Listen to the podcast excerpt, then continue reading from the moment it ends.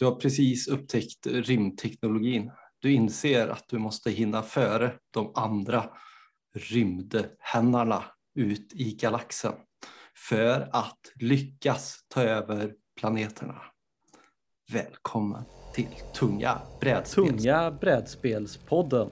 En samtalspodd mellan vänner om tunga, djupa brädspel. Och idag har jag med mig, som alltid, kära Erik Sundberg och vi har även en gäst som jag tänkte att Erik skulle få presentera lite kort.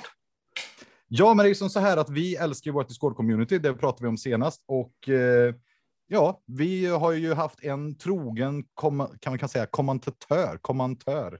En, eh, en, någon som alltid har lagt sig i, varit kritisk, ställt kluriga frågor, kommit med beröm och nu också spelat massa spel med oss. Och då känner vi så här, det här är väl en person vi vill ha med på vår podd. Så därför bjöd vi in Måns, a.k.a. Ludentotten. Och eh, du får ju presentera dig själv. Vi vet ju egentligen inte så mycket om dig Måns, förutom att vi hänger med varandra på internet hela veckorna. Och du pratar skånska. och jag pratar skånska. Ja. Det, det, skånska pratar jag nog för att jag bor i Lund.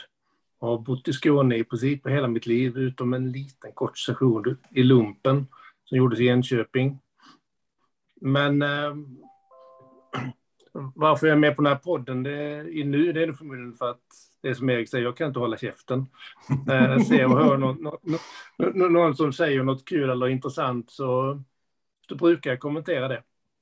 Och ibland så kan folk ta det, ibland blir man lite irriterad och så, men, men, men jag tycker det, det hör till om någon lä, lägger ner en massa möda och gör en podd och man tycker det är bra, då får man ju feedbacka lite. Ja, men det är ju bara, det är bara helt fantastiskt kan jag ju bara säga, ja. det har ju varit jättekul verkligen.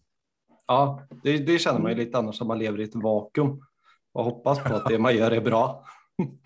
Ja, men egentligen inte ens bra att det bara skapar någonting som någon vill tänka på eller liksom ha en känsla för eller någonting. Mm. Det är ju det, är det som är grejen, att vi vill ju ha samtal, vi vill prata med fler och det är det som har varit så kul på Discord-kanalen tycker jag, att vi har massa diskussioner. Mm. Alltså jag tycker att det är podden och framförallt Discorden har ju lyft det här samtalet.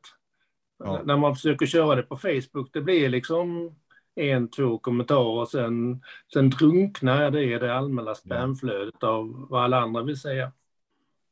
Ja, för ja, det är det... problem med samtal i så stora grupper som ändå Facebook blir när det blir några tusen som tycker olika saker är intressant på något sätt. Ja, och då kommer jag ju segwaya det här nu då, för det är nämligen som så här att vi prat, ni pratar ju om den Discord-kanalen, det här samtalet. Martin, vad är det som är planerat som vi, nu, vi har lite ågren för, men som är planlagt som du ska bemästra? Jo, men eh, jag och Erik eh, jag har ju pratat om att vi borde ha en happening eller vad man nu kidsen säger idag. Eh, konvent för oss gamlingar kanske. Ja, men vi, ska, vi har bjudit in folk hem till mig för att spela brädspel en helg som vi kallar Tungkon. Eh, nu har jag glömt bort datumet, men det, det slutar på första maj i alla fall. Är inte inofficiell öppning 29 mm. Eh, april och eh, fram till första? Ja, precis. Så vi tänkte, vi har pratat mycket om att det finns massor av er som lyssnar och er som hänger i Discord att vi vill träffa er. Så vi tänkte det skönaste sättet måste ju vara att man kommer hem till oss och gör det. Eh, så tänkte vi, vi tar en summa så fixar vi käk och sådär. Vi tänkte, ja. vi tänkte vara hos Erik, men Erik tyckte att jag hade större hus så vi hamnade hos mig. Och när jag säger vi tyckte att vi skulle vara hos Erik, vad jag tyckte att vi skulle vara hos Erik. Ja, men det var som en kompis sa, Arvid, han sa ju det att ni verkligen eh, tror på mänskliga glädjen och kraften här, att ni bara helt random bjuder in massa personer ni aldrig träffat och sen kommer de dyka upp och sen så ska vi ha något slags spelevent i tre dagar. Ja, Måns, vad tror du? Kommer du lyckas komma? Jag tror det finns eh, hyfsat goda chanser. Det, det som jag skrev någonstans att frun hon eh, går på ett nytt schema första mars och eh, efter det så vet vi. Mm. Men, men det ska nog gå att planera in. Jag, jag har hyfsat goda jag tror det kommer, jag tror det kommer bli episkt. Alltså, eller rätt sagt, tanken var att jag skulle dra ner förväntningarna här, för vi, vi har ju, alltså, om man har lyssnat på vårt förra poddavsnitt eh, när vi råkade mm. inte klippa, eller Martin, det var så här, Martin skickade till mig, du, det, vi har ganska mycket material vi borde klippa i det här mm. avsnittet, men eh, det blev lite så här punkig känsla. Jag vet inte riktigt, eh, kan vi, inte, kanske ska släppa det som något eh, specialavsnitt? vad, vad, sådär. Och jag, ja, när jag släppte det, jag fick, och det blev två delar bara för att vi inte kapade ner någonting också. Det var ju pricken över i alltså i våran, kände jag, i våran punkdebatt, att vi var punk eller indie. Jag vet inte Ja. Måns, lyssnade du på vårt förra avsnitt? Det gjorde jag, men jag, jag, jag måste säga att jag var tvungen att eh, och, ehm, lyssna om det, för jag, jag somnade strax efter att du gick och nattade dina barn. så, när eh, Martin och eh, Fabian körde sitt eh, eget race, då, då slocknade jag med. Men, Det är Men jag- inte jag lika mycket fart när Erik är med. Det, det blir lite lugnare och lite mer Jag avslappnat. tyckte det var helmysigt. ja. men, det, men, men, men ni fick ju igång en, en riktigt bra diskussion där om lite meta och Mm. annat sånt som är intressant in, inom brädspelen, tycker jag. Det, var, nej, jag tyckte det, det, det blev bra. Vad kul att höra. med. Mm. Men har ni spelat några spel sen sist då? Eh, De senaste tiden? Mm, Då, gud, jag har, spelat en massa spel med dig. Ja, men berätta. Det, vänta, ber, åh, ska du prata om att vi har spelat ihop? Jätte, berätta nu Måns. Det här vill vi höra. Jag, jag, vill, jag vill egentligen prata med dig om innan vi börjar podden, men då sa jag så här, nej, det här vill jag prata så Martin får med här också när vi spelar in här. Alltså jag, jag, jag kommer inte av med det. Jag, jag har ju spelat spel hela mitt liv. Mm. Jag har ju som... Och ehm, jag har ju spelat eh, mycket sådana här traditionella brädspel. Och eh, sen eh, hade jag en period när min farsa introducerade bridge. Jag spelade väldigt mycket bridge med honom och andra. Mm. Och sen, eh, sen dog han, så då blev det inte så mycket bridge för ett tag. Men då eh, kom alla de här studentspelen som jag spelar mycket risk och Mm. Advanced Civilization och Junta och lite krigsspel, men det gick vi aldrig igång på. Sen, sen hade vi ju en period då det blev ohyggligt mycket rollspel. Ja, ja. Den har man varit i. Ja, och då har man spelat liksom tre olika kampanjer som var tvungen att spela tre dagar i veckan. Det, det, det blev lite drygt, men det, det, det, det trappades ner till en. Men det var ju sådana här... eh, Man, man var ju inte rädd för att spela i 14 timmar. Nej, precis. Jag kommer, ihåg, jag kommer ihåg min pappa, han ringde mig på, när jag hade sommarlov. eh, När jag gick i gymnasiet för att Mm. han tyckte det var så jobbigt att väcka mig när han kom hem från jobbet. Så han hade 20 minuter hem från jobbet så han ringde mig så jag skulle vara vaken och hunnit äta frukost innan han kom hem. Då hade jag varit och spelat rollspel innan. Ja, nej, men det var som man började klockan 12 en lördag och sen så höll man på till 4-5 på morgonen. Mm. Tycker Det är bra stamina. Va? Det är bra stamina. Ja. Nej, det var, det var spännande. Folk, folk som hade arga flickvänner som ringde klockan tre och utav jag slut. Och det skulle fortsätta. Nej, men ehm, sen ehm, blev det mer bridge i tio år på, på hyfsat hög nivå. Och sen fick jag barn och då ehm, dog det lite. Men, men just där i den vevan så ehm, upptäckte vi eh, Puerto Rico och Agricola. Då är vi alltså 2003, 2004 någon gång. Mm, och alla Knizia-spelen och sen dess har det nästan bara varit eh, Euros. Fram till nu då, det var, var lite det som skulle bli intro till det. Från där någonstans har man hört eh, re- redan innan jag hittade även alltså 18xx som nå, någonting sådär som nä, nästan som man skrämmer barnen med. Hopplöst nö- nördiga spel som är elaka som bara begrips av ett litet fåtal människor, mest amerikaner.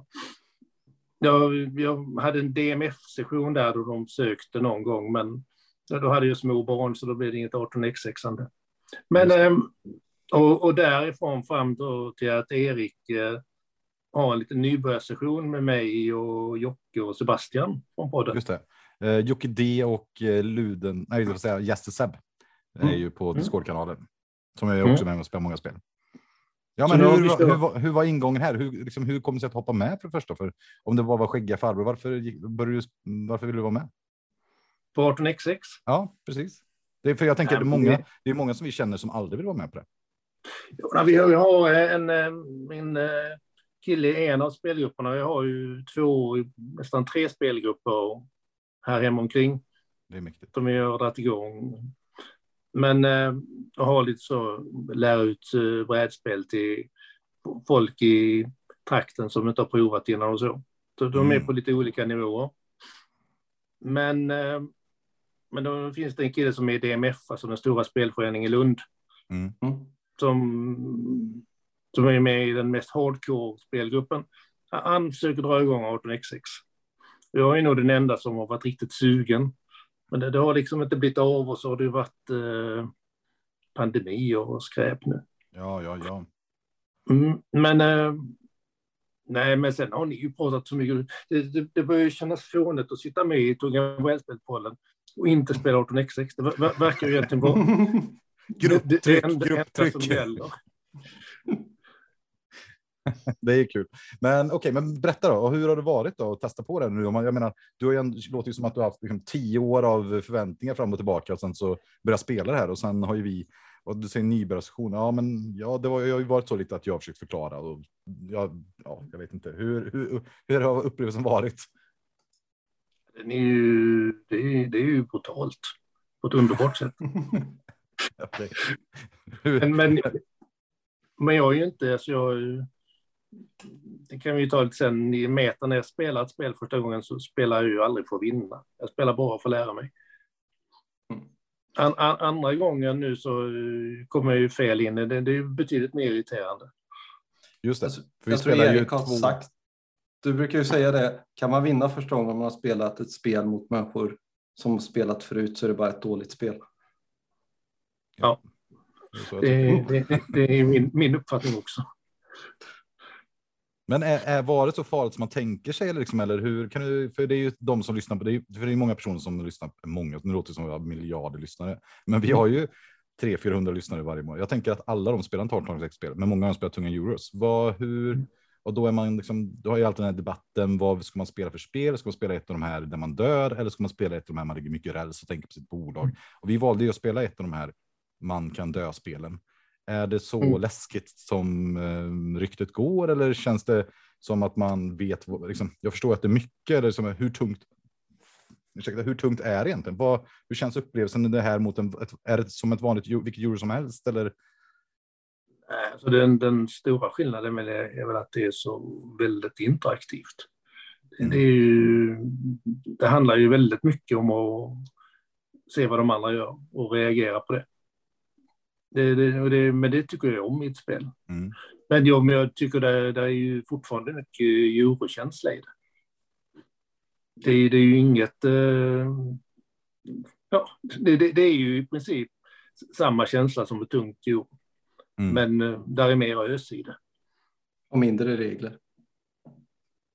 Ja, det, det, det, det, det är olika för olika euros, men ja. Men jag kan säga så här att nej, nej, för jag hängde ju med här och sen skulle jag försöka, vad ska man säga, ge lite min, ja, försöka dela med mig lite av mina tankar om när jag gör mina olika drag och så där. Och då märkte jag bara, oj, vad mycket saker det faktiskt är ett spel. För jag tycker 1890, 89 som vi spelar i Japan, är en Kickstarter som har varit nu. Det känns ju som väldigt bare bones. Det är inte så mycket krom med det som man kallar på 18 Xbox. Alltså det är inte så mycket extra saker utöver det vanliga systemet. Men sen så Måns ställde jättemånga bra frågor hela tiden och undrade liksom, varför säger du att det är på det här sättet? Varför, varför är det dåligt att flota högt? Eller varför är det dåligt att skaffa många aktier i det här bolaget? Eller, och så där. Då märkte jag att det är ändå väldigt många saker man har liksom internaliserat när man spelar ett sånt spel. Mm. Väldigt svårt alltså.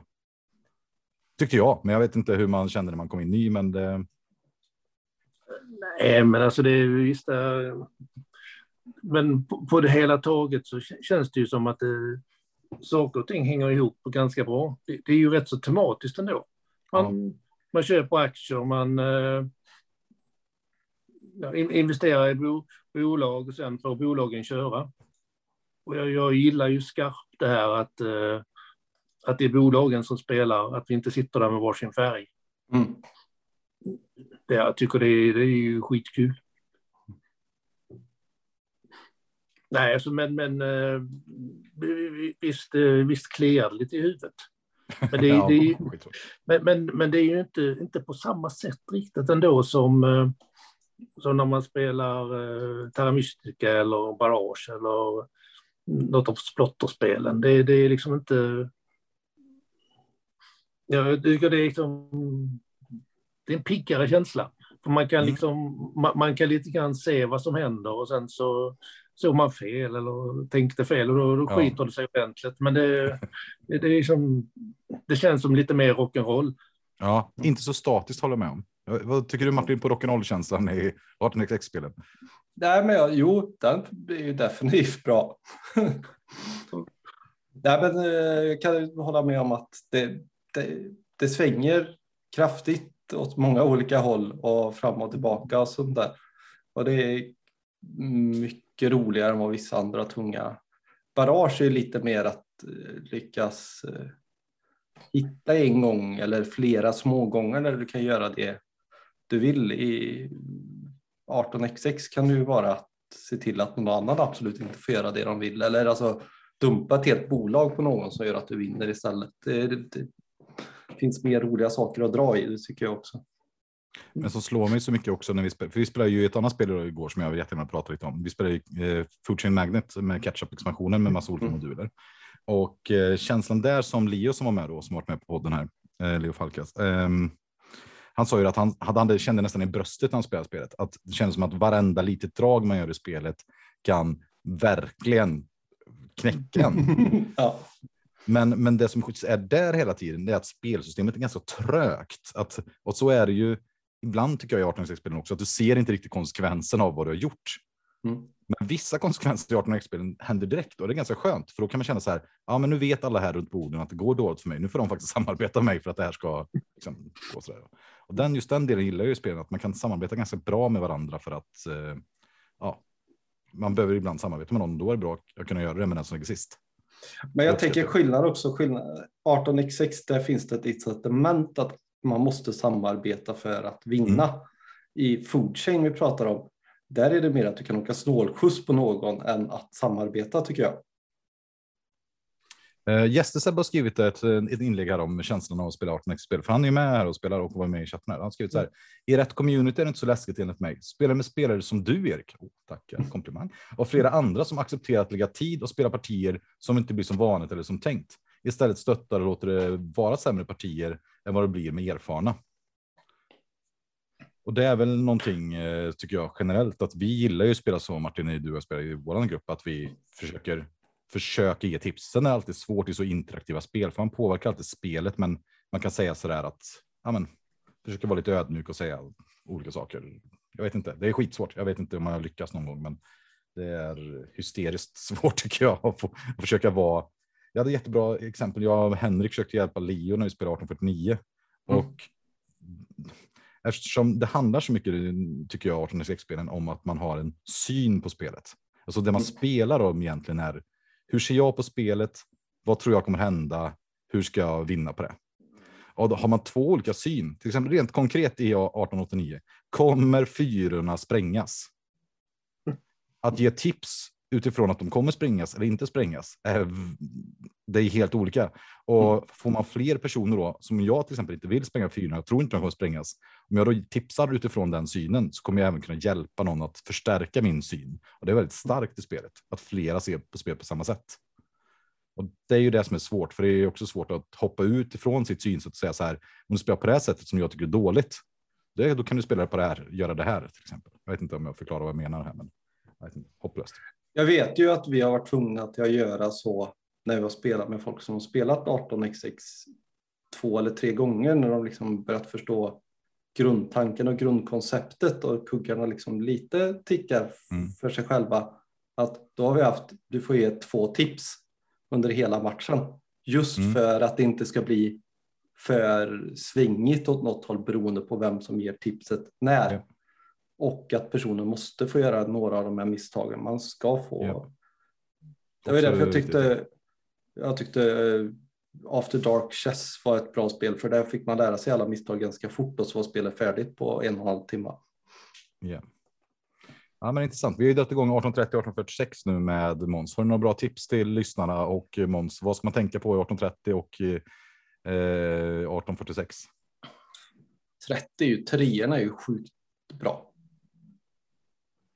Det, är nog liksom det jag underskattar, underskattade mest och längst. Eh, köp inte sista, köp inte sista aktien i Vattenfallsaktionen för då kommer du bli tvåa. Sista privten. Ja. ja. det är intressant att säga det. Uh, 46 är det det där man kan köra half pay och konstigheter. Ja, precis det vi börjar spela. ja, köp train rusha så mycket det bara går. Försök bryta spelet. Det kommer vara den bästa spelupplevelsen. Jesper tipsar om Camden Amboy, CA Private i 1830. Den sista där man får en PRR-aktie. Martin, vad tycker du om den? Den är sjukt bra. vad vill du betala för en max? Vänta, vad, vad går den ut för? 160. Ja, men 300 är väl inte orimligt? Vi har haft en diskussion här. Ja, men vad säger du monster för de här tipsen? Låter det som jag och Martin har samma meta? Ja, ungefär. ja, det är, det är kul. Men eh, jag spelar ju Foodchain, så jag tänker prata om det. Jag, jag och Martin spelade Foodchain Magnet igår, Catch-up Expansion. Ja, fan, jag har varit Eh. arg sedan igår kväll alltså. Fan. Varför då? Arg? Ja, men, ja, jag var besviken på mig själv. Det känner jag att det var länge sedan. Alltså så jäkla bra spel. Jag älskar det. Det är så himla bra. Men jag kände när jag, jag kände att jag var dålig förlorare igår när jag gick från dig. Det känner jag inte ofta, men det, det var ett spel jag kände att jag förlorade på för att jag gjorde fel. In, du läste säkert saker och reagerade, men hade jag spelat annorlunda så hade jag antagligen vunnit. Inte Måns, jag, ofta... jag kan berätta. Nej, för- jag ska låta dig punkt, punkt, punkt. Nej, men alltså jag har gått och grävt mig över det och jag har legat och tänkt på det innan. Jag hade svårt att somna igår för att nej, usch. Det är inte ofta jag så här hakar in i hur dåligt det gick för mig för att jag oftast brukar jag kunna skaka av mig. Men Erik är en bättre spelare än vad jag är. Det är där framme. Men igår var det bara nej, men du spelade dåligt och det här skulle du kunna ha sett. Det är fan jobbigt att förlora på när det blir så. Ja, då kan jag säga eh, Måns här började. För det var nämligen så här att jag vet ju Martin. är- Martin vill aldrig ta tips. Han vill aldrig göra det som räknas som bäst, utan han ska göra någon liksom, cool grej som han tror på. Det är liksom reckless tycker jag. Så vi börjar starta upp och både jag och Martin tycker att marketer. Har du spelat förresten eh, expansionen till Fuji? Nej, Måns. Har du spelat eh, expansionen till Fuji? Jag har bara spelat Solchain en gång utan Ja. expansionen. Okej, för det är ju nya. Nya vad heter det, milestones, så det är en ny uppstart och vi har inte spelat så många gånger och eh, det är väldigt är svårt liksom. Och då valde jag den som jag och Martin tycker är bäst, som är Marketeer, som jag för övrigt tycker är OP. Eh, jag gick ut, tog den, Leo tog Recruiting Girl och så finns det en tredje trainer som vi sagt ospelbar, helt kass, felbalanserad, besviken på Splotter att de släppte en expansion och skulle fixa det här och inte gjorde det. Och det var ju då när man inte spelar med alla andra olika moduler, för det är ju typ 18 modu- moduler den här catch-up-expansionen består av. Mm. Man spelar bara med nya milestones så står jag för det. Den är kass, alltså. ospelbar om någon annan kan spela spelet.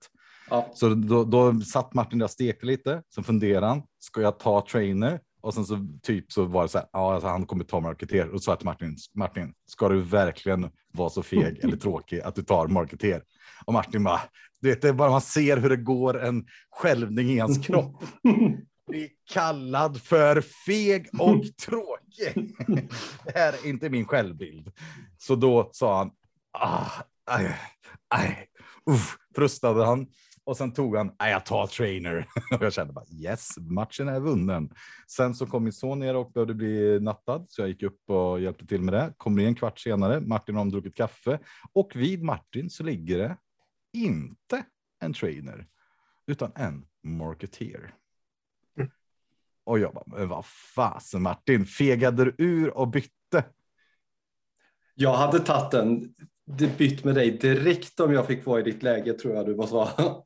Att jag, jag sa jag det? Eller? Ja. Ja, precis. För jag sa ju det nu bara. Martin, jag hade, jag, jag hade bytt direkt. Så det går inte att spela. Och sen så tjatade vi lite om det. Och sen sa jag, men vet du vad Martin? Får jag byta position på kartan med dig? Så kan jag spela trainer. nej, jag hetsade dig till det. Det var du som nappade på det. Det var jag som sa det till dig. Okej, ja, men om du var. tycker att det är så bra då så byter vi. Just det. Och då sa jag, okej. Ja. Vi byter. Jag spelar den här skiten. Jag tar det. Och Martin bara gick ut, bombade matchen. Allting såg bra ut. Förutom att jag kunde skita i tur två, men det skit vi. Och sen så tickade spelet på. Trainer gjorde ingenting, hade inga pengar, men jag gjorde en massa konstiga saker. Jag hade lite kaffe och hade noll pengar. Och sen helt plötsligt no, var ställningen 0 0 0 0 0 480. Banken var sprängd. Trainern hade vunnit. Ja. Och då var ändå Martin så bra för han la sig i kritiska rundan som är så jädra viktig. När trainern ska försöka slå om. Att han la sig efter mig i turordningen. Det var så bra spelat. Ja. Och då tänkte jag det här kommer inte gå. För jag liksom led av den tidiga starten, hur mitt träd hade, jag hade för få platser i träet och det bara så, uff, kunde inte påverka riktigt. Och sen så, ja, Spelar jag sen var, sen spelade du bort det, läggdags, sur, dålig förlorare. Det hade inte ofta Martin.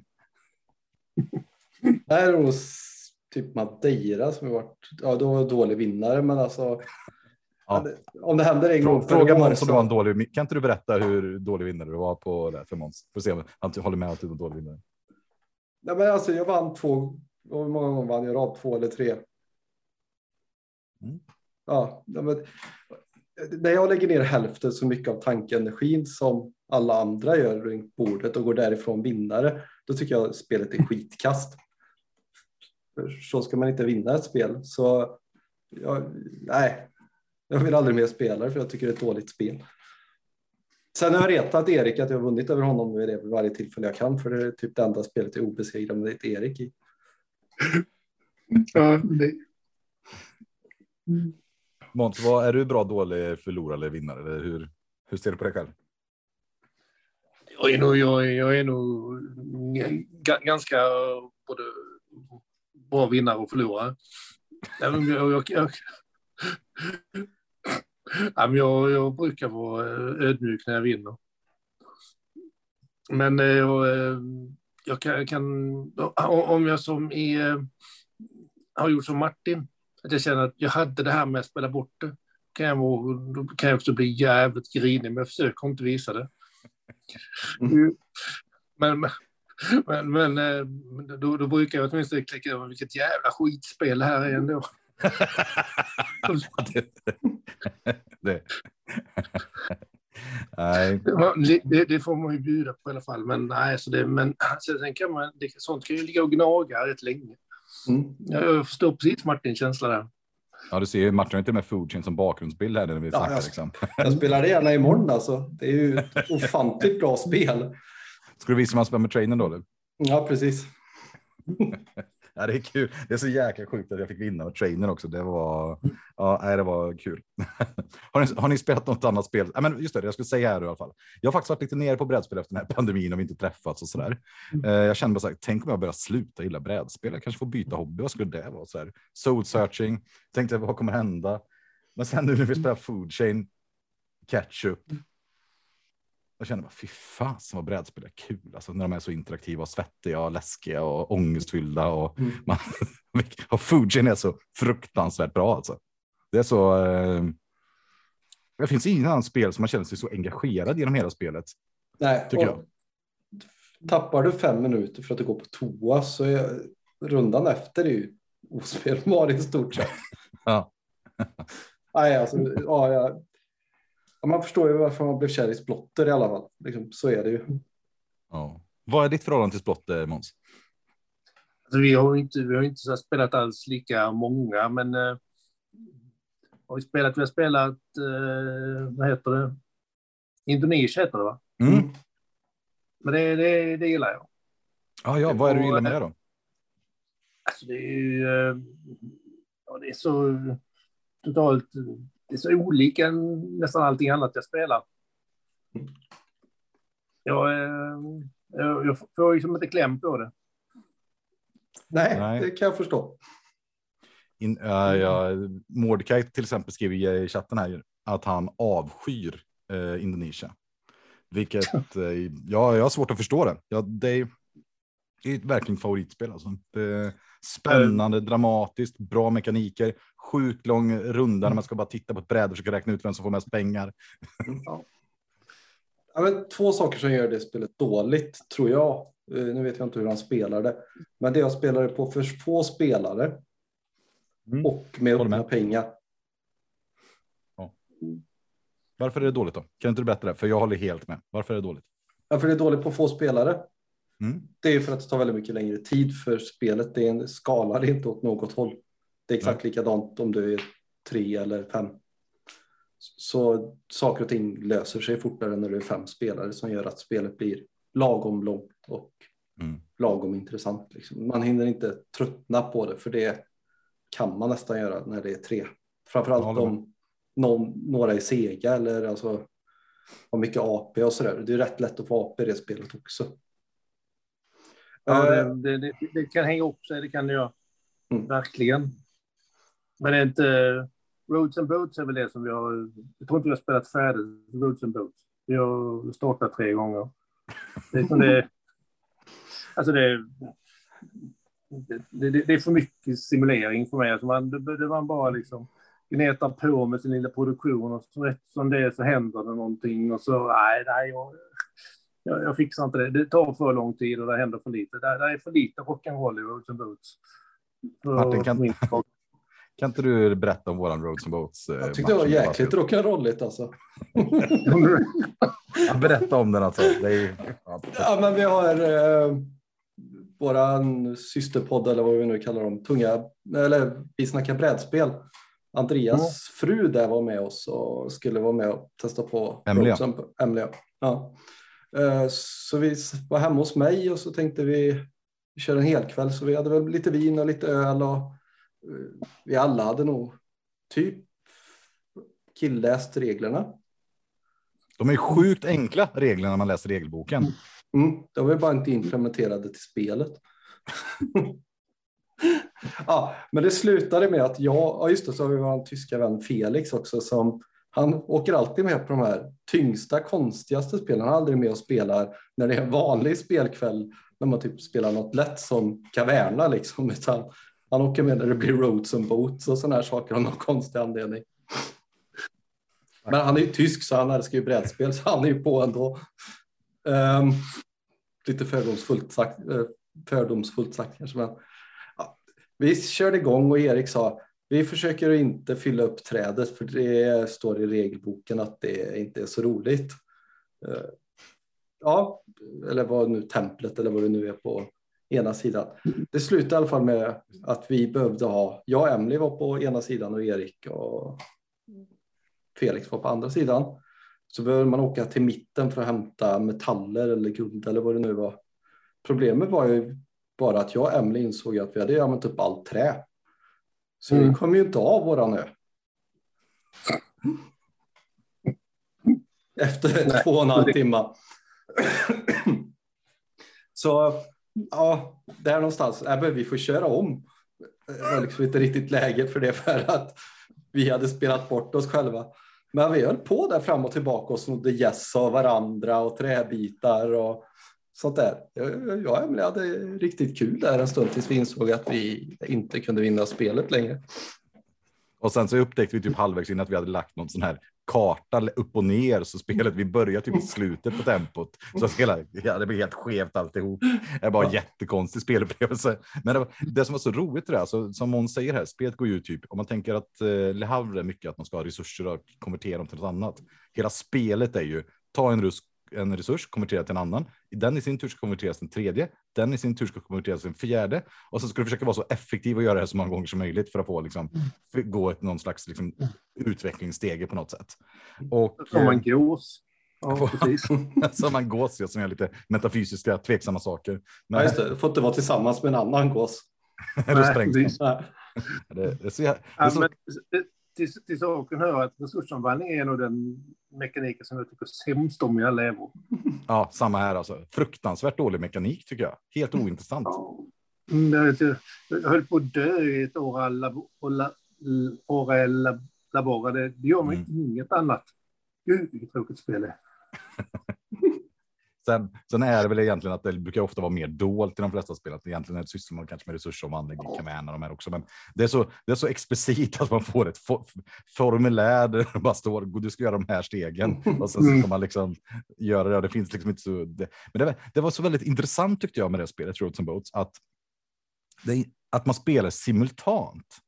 Alltså ett brädspel som så här. Okej, nu kör vi. Nu gör alla sina actionturer och börjar flytta och sen är det så här helt plötsligt så kommer jag, finns det resurser på kartan. Då helt plötsligt kommer jag till trä och de hade kanske Måns tänkt att säga sin tur. Men jag gick faktiskt dit med min kärra först och plockade med Ja. dem och gick därifrån innan du liksom fysiskt hann gå dit. Vilket är så här bara, när vi, alltså ens hjärna sprängdes okej, så jag måste helt plötsligt börja liksom gå åt rätt håll och hålla reda på hur många moves jag gjort.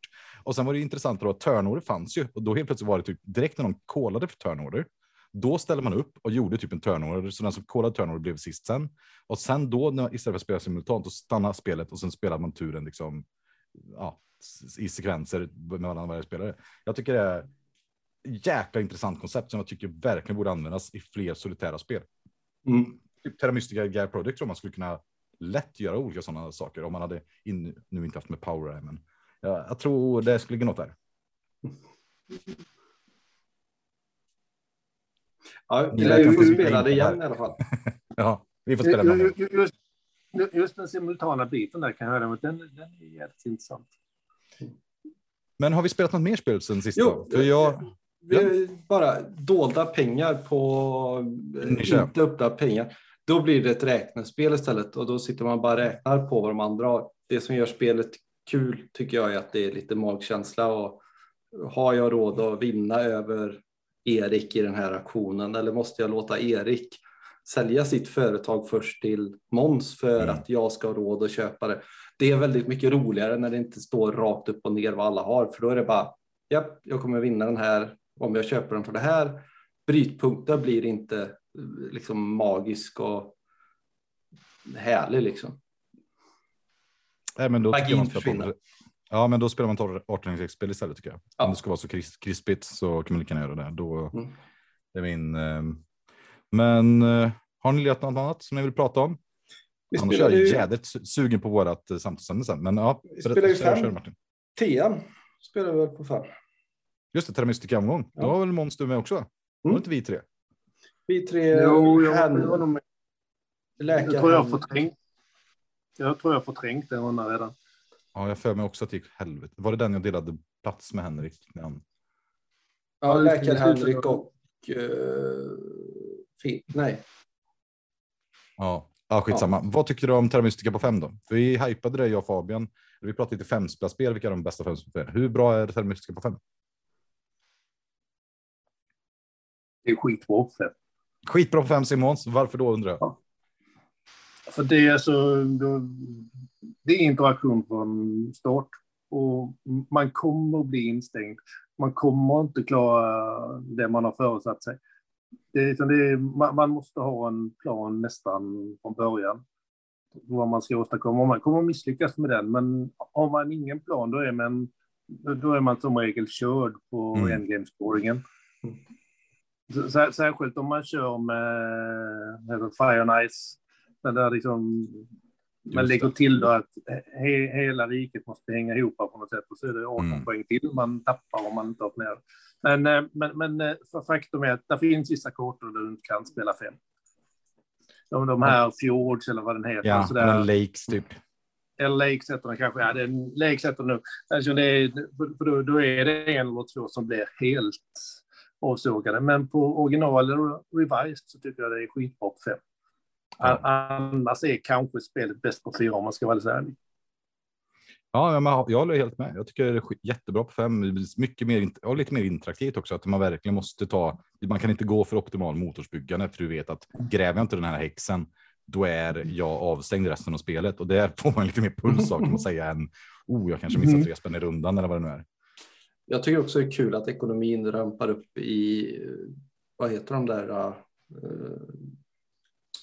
gud, jag tappade ordet för uh, powersen, att de snurrar runt. Det, Just det. Du får ju mer powers, eller det går runt Mm. mer powers, så att det blir, du måste väl, det blir högre prioritetsval på om du ska ha två arbetare till, eller sju pengar, eller en dubbelgräv. Det tycker jag gör, för det kan vara lite segt på tre, att får du nästan aldrig tillräckligt mycket powers. Så du kan göra något med dem. Ja, för om man ska på något sätt hypa vårt kommande samtalsämne här med Gaia Project så tänker man ju att en van lyssnare av våran podd måste ju ha lite spänning i magen här. Jag menar, kommer Tunga brädspelspodden tycka att Gaia Project är, bästa, är bättre än Terra Mystica eller inte? För det, jag menar, det är ju snacket på nätet. Vilket spel är bäst? Är det värt att spela Terra Mystica längre när Gaia Project finns? Och Terra Mystica kan man spela på fem. Mm. kan man inte med Gaia. Vilket tycker jag i och för sig är konstigt. Det, man borde bara kunna... Jag ska prova att Alltså, spela det på fem. Ska man, ska man säga att Termis ska ha någon, någon brist egentligen så är det att det inte finns en trespelarkarta. Ja, För att Ja, jag- jag, jag, jag, jag tycker att det är kast på tre. Ja. Jag, jag tycker att det skalar så otroligt dåligt mellan tre och fyra så att det, liksom, det, det blir nästan ointressant. För då, då har du för mycket plats och du, så, kan man hamna, så kan man hamna i precis det som Martin säger. Att man liksom blir isolerad någonstans och ingen vill interagera med en och man får inga, Ja. och inte glitcha något alls. En bra kompis med mig från Göteborg som heter Martin också har ju sagt det här att en bra hobby den ska kunna ta oändligt med tid och kosta oändligt med pengar. För om den inte gör något av de här två så måste man byta hobby och det är jättedåligt. Och precis det du säger till mig Måns nu, det är att du säger så här. Köp fler brädspel. Man kan ta Terra Mystica till allt och jag håller med. Det är inget trespelsspel. Man borde bara så här blocka det. Sen vet jag att det finns entusiaster som spelar på 3-2, men, men det är ett 4-5 spelspel. Mm. Och absolut bäst på fyra tycker jag. Men Mm. det är som att Indonesien inte borde spela på två. Jag har ingen aning, säkert någon som tycker det är kul. Man får ju göra vad man tycker. Martin, vad säger du om eh, Terra Mystica? Är det bäst på fyra eller fem då?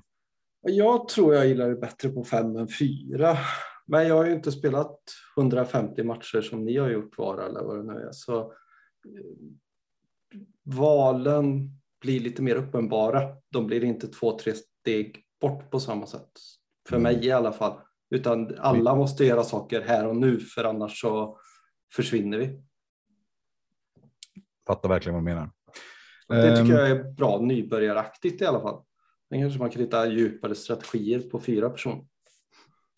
Vad säger ni om att prata om dagens samtalsämne? Eller någon som vill prata om något mer spel som ni har spelat? Jag har spelat Ark Nova, men jag behöver inte prata så mycket Jo, det. men det vill vi höra. Det är intressant för våran podd. För jag menar, eftersom vi är ju content creator, eller hur Martin? Vi är ju väldigt Mm. mycket för det här nya och heta. Därför idag, vi känner oss ju färs, ny, nyheten. Vi recenserade ju Guy Project, när släpptes det? Fyra år sedan? Mm. Fem? Hur många år sedan är det nu? 2000? Någon som har uppe? Ja, jag Nej, men det jag tror 18, men jag kan kolla. 16 tror jag Guy Project om. Ja, det känns 18 känns väldigt. Ja, har det här. då. gissar Jag, på- jag tror... Jag, 16 tycker jag är en bra gissning. jag, spel, 18 är fel. jag har spelat det en, en gång live och eh, jag tror att det var då 16, 17 någon gång. Och, och Ark Nova nu får man ju säga att om man har en brädspelspodd så borde man göra en recension på det. 2017 kom det. 2017. Där man, Och eh, jag frågar ju Dennis, för övrigt en annan som hänger mycket på en podd, och eh, alltså Mm. Tåg-Dennis som han heter i Sverige. Mm. Eh, han borde ju heta det, liksom, ha en namnskylt som heter Tåg-Dennis. Han är ju fantastisk, lägger upp massa bilder och han är jätteaktiv. Han har ju sagt att det här borde du inte spela och det sa du också Måns. Men kan, borde folk som det- lyssnar på en podd spela det liksom? Eller vad är, vad är grejen med spelet? alltså det, det beror ju på vad man gillar för spel, men det är... Jag har inte spelat något annat spel som har lika mycket Terraforming Mars-känsla. Det är, eh, det, det, det, det, är, ju inte så att det är som en, eh, en variant på Terraforming Mars, men eh, det är vä- väldigt mycket samma kortdrivna motor. Sen, sen spelar man på ett eget bräde istället, istället för på ett gemensamt bräde. Och sen, sen så händer det lite andra saker. Man, ja, det, det, det är så bygger man då sitt eget zoo där man eh, har, eh, skaffar burar av olika storlek. Som man då kan stoppa in olika många djur i. Och o, olika stora djur kräver då olika stora storlekar på sina burar. Och sen så eh, finns det då eh, ett annat gemensamt bräde där man, jag kommer faktiskt inte ihåg vad de heter, men man, eh, man- kan eh, skaffa lite eh, kontakter med andra världsdelar som gör att man får djur från dem billigare och, och lite andra sådana bonusgrejer. Någonting som jag underskattade helt. Det är liksom, man kan säga att spelet är i två olika delar. Dels så är det Terraforming Mars och sen är det den här extra delen då som man måste lägga mer fokus på vad jag gjorde. Jag, jag, jag, känslan är att det faktiskt är lite mer solitärt än vad Terraforming Mars är. Man pysslar väldigt mycket med sig själv och ganska lite man konkurrerar om andra om. Man, eh. Men eh, samtidigt så finns det väldigt, väldigt mycket att upptäcka i spelet. Gillar man den här typen av eh, som tabu, taburbildning och bygga motorer och sånt så då kommer man att tycka det här spelet är skitbra. Gillar man Terraforming Mars så kommer man att gilla det så, så är det bra. Nu, nu har jag bara spelat en gång. Det, det enda som jag gillar med Terraforming Mars det är att det finns så fruktansvärt många olika strategier och de verkar helt balanserade. Mm. Men man kan välja vilken strategi som helst Då spelar man det bara bra så vinner man, eller så går det väldigt bra. Mm. Det, Martin, Vad, ty vad, tycker du Martin om det här Ark Nova när du hör Måns berätta? Tror du det är något för oss? Nej, men det lät som ett spel som jag kan spela med min fru. Ja. Ja. Där man gör lite sin egen grej och pratar lite och så. Det, det är mer ett sällskaps... Det är lite som att se på en film. Vi gör, no eller tänker jag, vi gör någonting tillsammans som vi uppskattar, men det är inte som att tävla mot varandra som jag gör när jag spelar brädspel annars. Det är en, ja, tä- tävlar gör man ju, men man gör det var och en för sig. Mm. Ja, jo, jo, men visst, du kan ju tävla i patiens också. Eh, finns det ju säkert folk som tycker det är kul. Eh, alltså, ja, men för mig. Ja, för mig är den mesta delen med Terraforming Mars tycker jag ju är ju kartspelet. Jag tycker kartan är kul att det, man binder ihop alla de här massa olika typer av korten med en gemensam sak. För då får man liksom på något sätt eh, eh, knyta an mot varandras strategier på den här kartan ihop. Och det tycker jag är ju när man spelar Terraforming Mars, spelar grundspelet, så jag kommer ihåg när vi arrangerar SM, då arrangerar vi lite olika setups med expansion och allting. Mm. Den intressanta som jag gillade var standardkartan. Kanske med prelude. Eh, lite kortspel, men där är det verkligen så här tryck mot kartan. Man måste göra, där skaffar man mycket poäng. Man får göra avvägningar mellan bygga sin hand och så där. Eh, ja, så för mig låter det ju inte som att det skulle passa det spelet, men det, det verkar vara väldigt hett och väldigt, väldigt många som gillar det. Det känns otroligt hypat. Mm. Och sen eh, kortdraften är mer som i Wingspan. Antingen tar man från en, eh, från en upplagd rad, eller ett visst system, eller så tar man från högen. Och, jag, och det kan jag, inte, jag kan liksom inte förstå varför man inte terraformar Mars. Jag gjorde ju en egen variant dit som ingen har velat Mm. spela. Men att man inte, för ah, drafta är ju kul. Alltså att man inte att man skulle ha fler kort som man får drafta av. Så att det Mm. blir att man, för det bästa man draftar tycker jag som en gammal Magic-spelare är att du öppnar ett paket som man kallar det. Och det finns, i Terraform Mars är det fyra kort, så väljer man ett och så får man inte tillbaka något. Om man är fyra spelare. Mm. Man skulle upp, om man däremot öppnar åtta så kan man ju ta kanske det som är bästa kortet, men då kan man se, ah, det här egentligen är ju det fjärde bästa kortet, det är det kortet jag vill ha helst, men jag tror ingen annan tar det. Så därför kan jag passa på nu att ta något annat. Som, jag menar worker placement-delen, att jag vill egentligen ha två read, men ingen annan vill ha det, så jag tar tre träd. Den delen hade jag önskat att det fanns i Terraform Mars och då, då hade jag blivit intresserad. Att man, så det är solitärt, men man kan försöka hela tiden estimera vad de andra behöver så att man ja, kan effektivisera, på något sätt. Så vi, vi provar lite olika drafting, men problemet med det är att liksom, det är så många kort som är ointressanta när du kommer halvvägs in i spelet. Ja, Mm. Du, du kan få upp en hand på fyra eller åtta kort och du behöver ett och du kommer alltid att ta det ifall det passar din strategi. ja. Och sen Jag skulle- skickar de i andra hand så kanske du tittar på vad de andra gör. Jag tyckte Alltså- bara det förlängde spelet. Jag ska inte promota min variant, men i min variant hade man givetvis Terraform Mars eh, skiktade lekar. Så man hade en episod 1 eh, lek, en episod 2 och en episod 3. Ja, För okej. jag tycker att det är så himla dålig design i vanliga spelet. Alltså.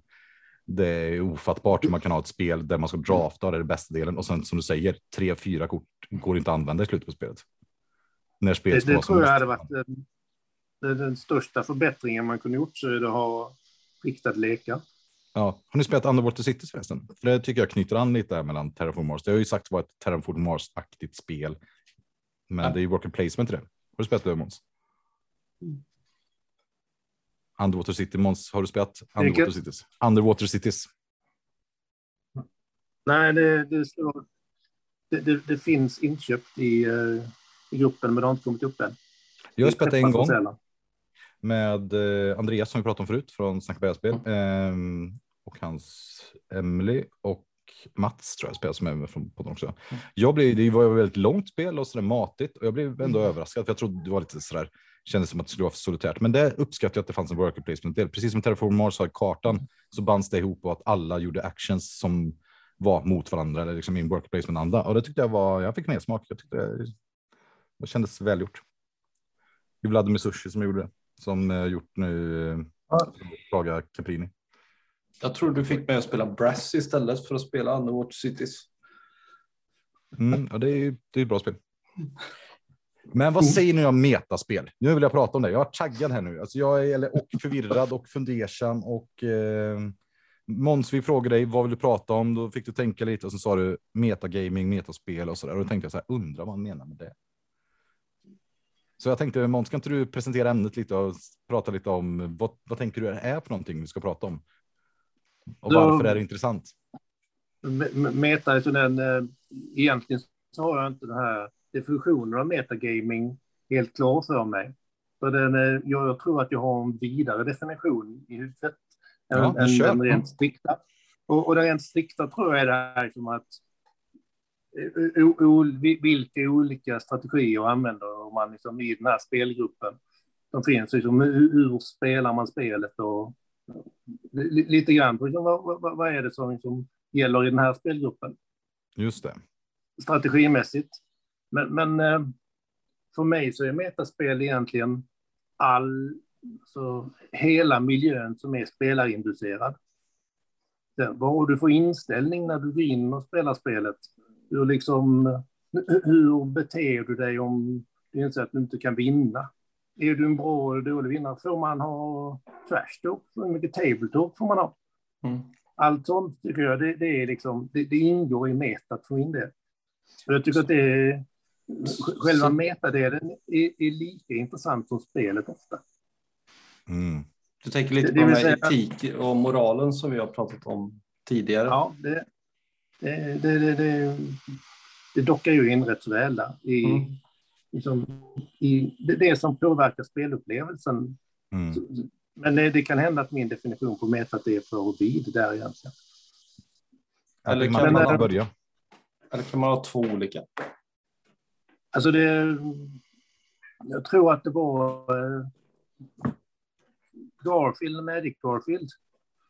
Han, eh, nå- någon gång där, om det var i slutet 90-talet och tidigt 20 så, så sa han väl någonting sånt att det, det är i princip meta är mer än vad ni säger. Det är liksom vad man tar med sig i spelet och man talar ifrån och ja, precis vad, vad, vad spelarna bidrar med till själva spelet.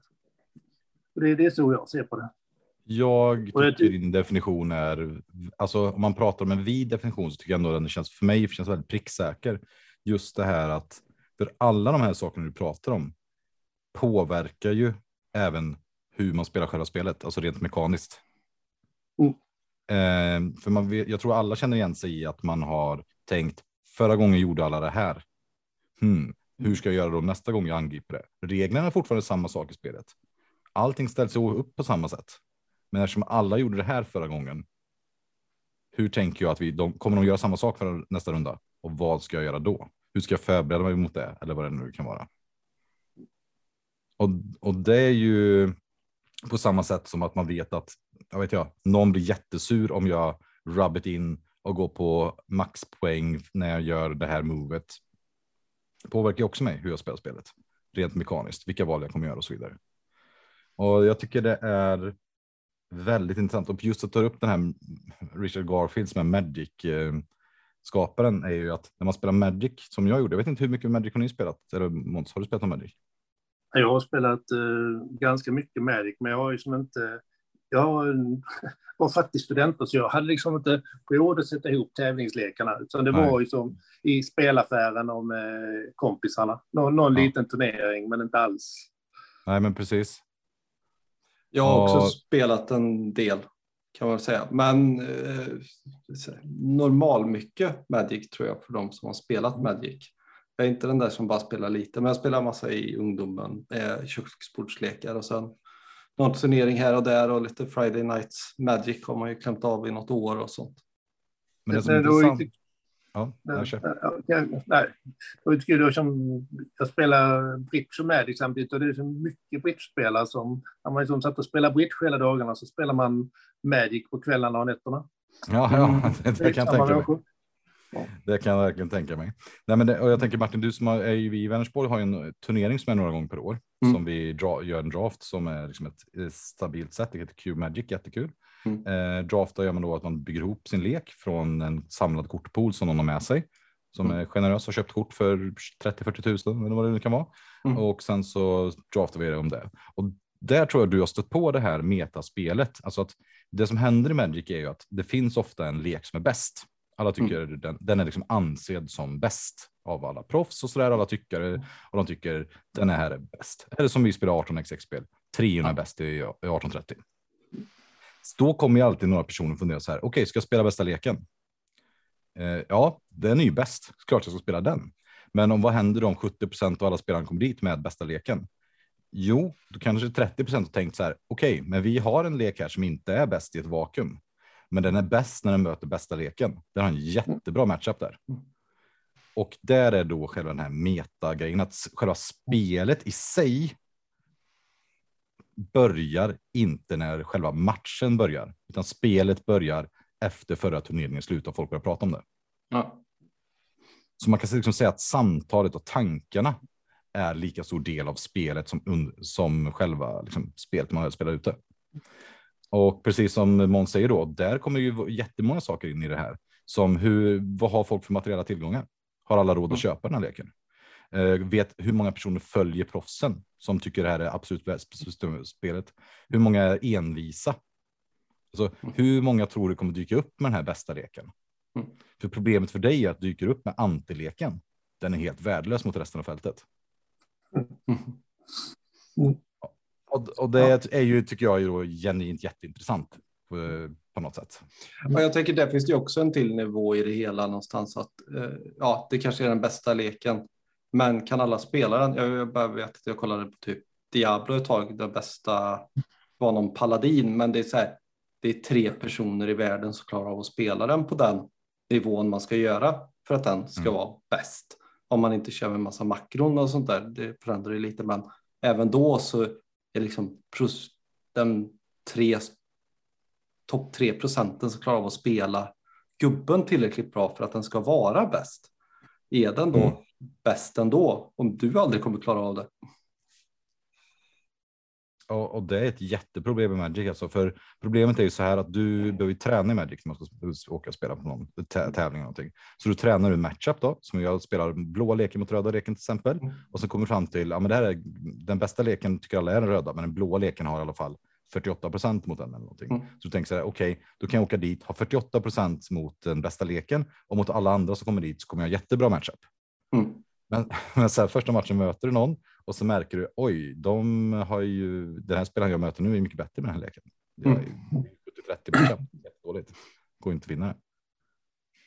Och då har du på något sätt, bara för att du hade en sparringpartner som inte kunde spela den röda spelleken, så mm. har du helt felbedömt procenten och du är helt rökt. Jag vet inte. Måns, när tycker du att vilka brädspel tycker du skapar ett eh, spännande metaspel? Då? Gör alla brädspel det här eller vad?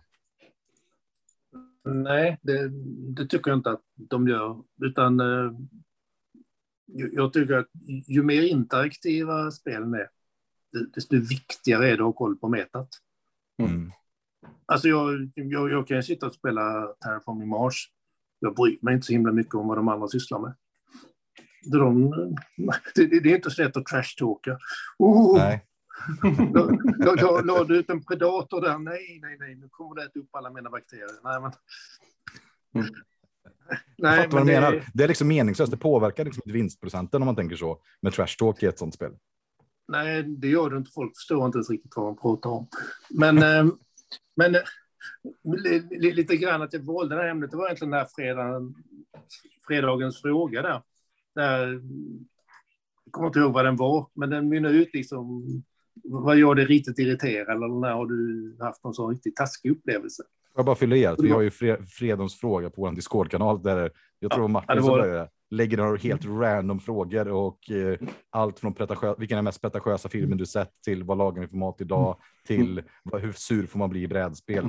Om man på något sätt tycker om allmänna lösta kan man hänga på vår Discord-kanal. Förlåt att jag avbröt Måns. Men, eh. Ja, nej, men det är bra. Um, och, och, och då, um, då inser jag det som att egentligen det enda som kan göra mig sur, utom då när jag spelar riktigt dåligt någon gång kanske, det är när jag liksom har eh, missbedömt metat. Jag går in på ett spel med fel förutsättningar. Jag förväntar mig att nu ska vi ha en riktigt jädra fet, tajt, eh, blodig interaktiv upplevelse. Och så är det någon som sitter och sysslar med någonting helt annat och antingen inte kan tillräckligt bra eller inte vill spela tillräckligt bra för trodde vi skulle ha en trevlig social kväll istället. Då, då, då känner då, för det, det kan jag lacka ur helt på. N när jag förväntat mig att det ska vara en riktigt häftig spelupplevelse.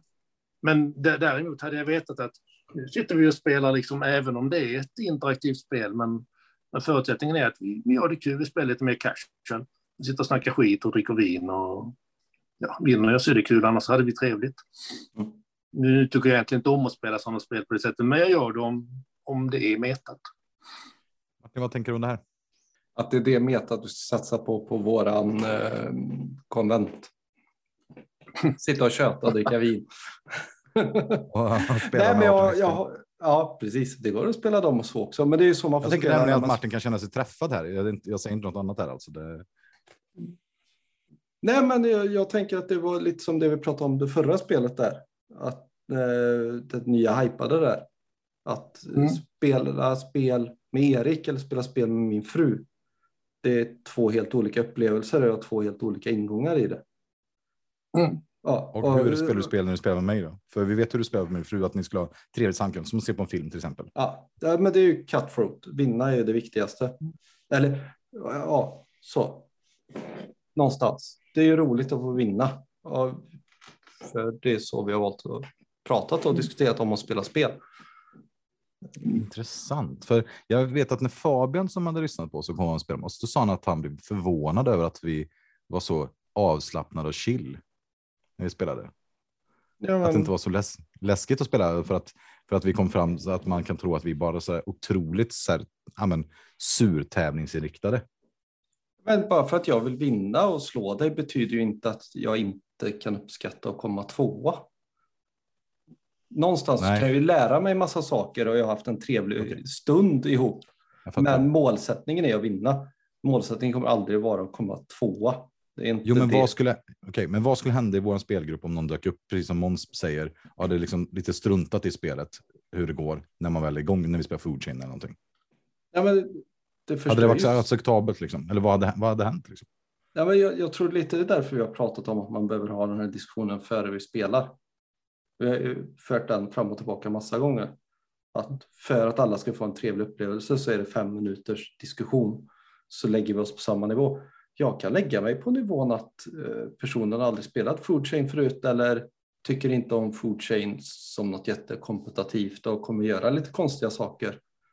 Eh, vet jag det innan, så här, jag gillar att testa nya saker som oftast inte blir så bra då kan jag ändå räkna med det någonstans att den här personen gör absolut inte vad jag tänker och, och det är okej. Okay. Men mm. om det är så här, den här personen är ju bara där ultra dåligt för mig. Uh, så att jag känner att den hoppar på mig som person eller alltså jag som spelare kanske inte som person. Då det blir väldigt svårt att ta på något sätt. Eh, inte för att jag brukar bli arg eller sådär men det kan kännas orättvist i alla fall. Ja, för, för jag när jag hör det Måns tänker jag bara så där att eh, ibland så har man fel spel till fel tillfälle.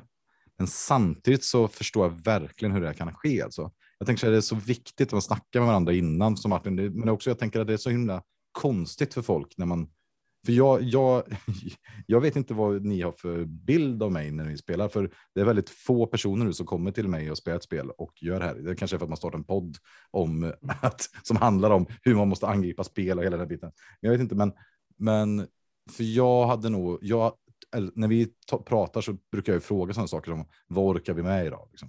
Orkar mm. vi det här till exempel? Och då ligger det på något sätt implicit att alla måste orka anstränga sig på något sätt. För jag hade ju, jag vet ju när vi någon har dratt eller någon gett upp eller någonting. Jag, jag, jag tycker att det är eh, respektlöst vad jag tycker det. Och det är. Jag blir aldrig glad när någon är respektlös mot andras tid och framförallt engagemang. Så att man känner att det, det, är nog bäst att lägga ner. Det är nog ingen idé att vi fortsätter. Jag skulle bli bara besviken på någon sån person. Liksom, speciellt om det är någon kompis så skulle jag bli ledsen. Liksom. Tänka så här, men vad hände här? Måste jag ha ett snack med den här personen? Det låter ju helt allvarligt. Mm. Men, nej, men så att det skulle vara som att man, eh, vad vet jag, eh, att man skulle vara på en middag och någon person, liksom, vad skulle man vad skulle jämföras med?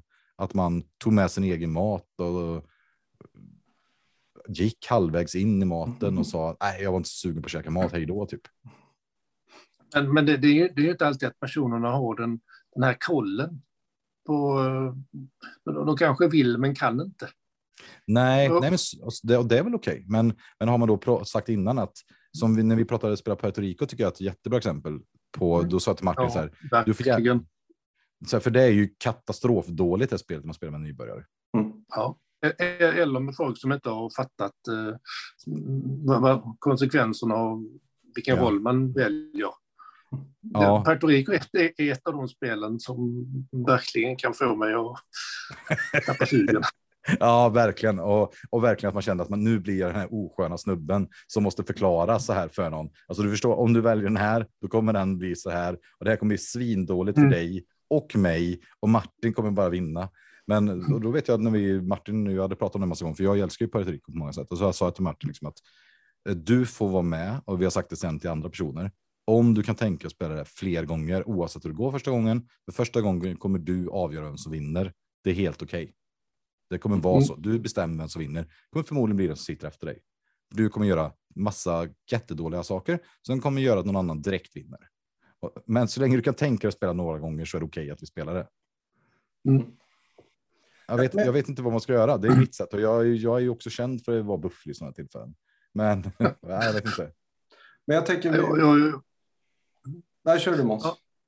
Ja. jag, jag tänker alltså, en av anledningarna till att jag blir liksom sådär, eh, kan liksom tappa sugen lite, det är att när jag verkligen tycker att spel skiner, det är när Mm. vi, man har de här interaktiva, alla är på ungefär samma nivå och man känner liksom att, ju- just det du pratar om i Magic, man säger liksom wow, vad hände där?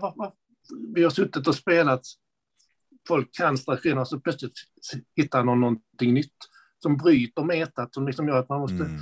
omvärdera allting man trodde man kunde. Och så komma på, vad hände där egentligen? Den känslan. Eller när man själv gör det, när man plötsligt inser, mm, om jag testar det här och så funkar det. I ett spel liksom där alla behärskade, man vet att vem som helst kan vinna. Spelar jag kast förlorar jag, spelar jag bra så... Och så, och så kommer det något nytt, met- metat liksom byter form och får ett nytt meta.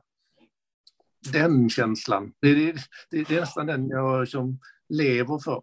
Jag, jag spelar ett spel, mitt favoritpausspel på BGA heter Sex Nimt. Som man egentligen, har ni spelat Sex Nimt? Nej, aldrig. Nej. Det, det, det är ett kortspel som består av nummer, kort som är numrerade från 1 till 104. Mm. Och eh, man kan spela det på, från eh, 2 till 10 spelare. Man, man har med lika många kort. Nej, alla, alla spelare har, har 10 kort var. Mm.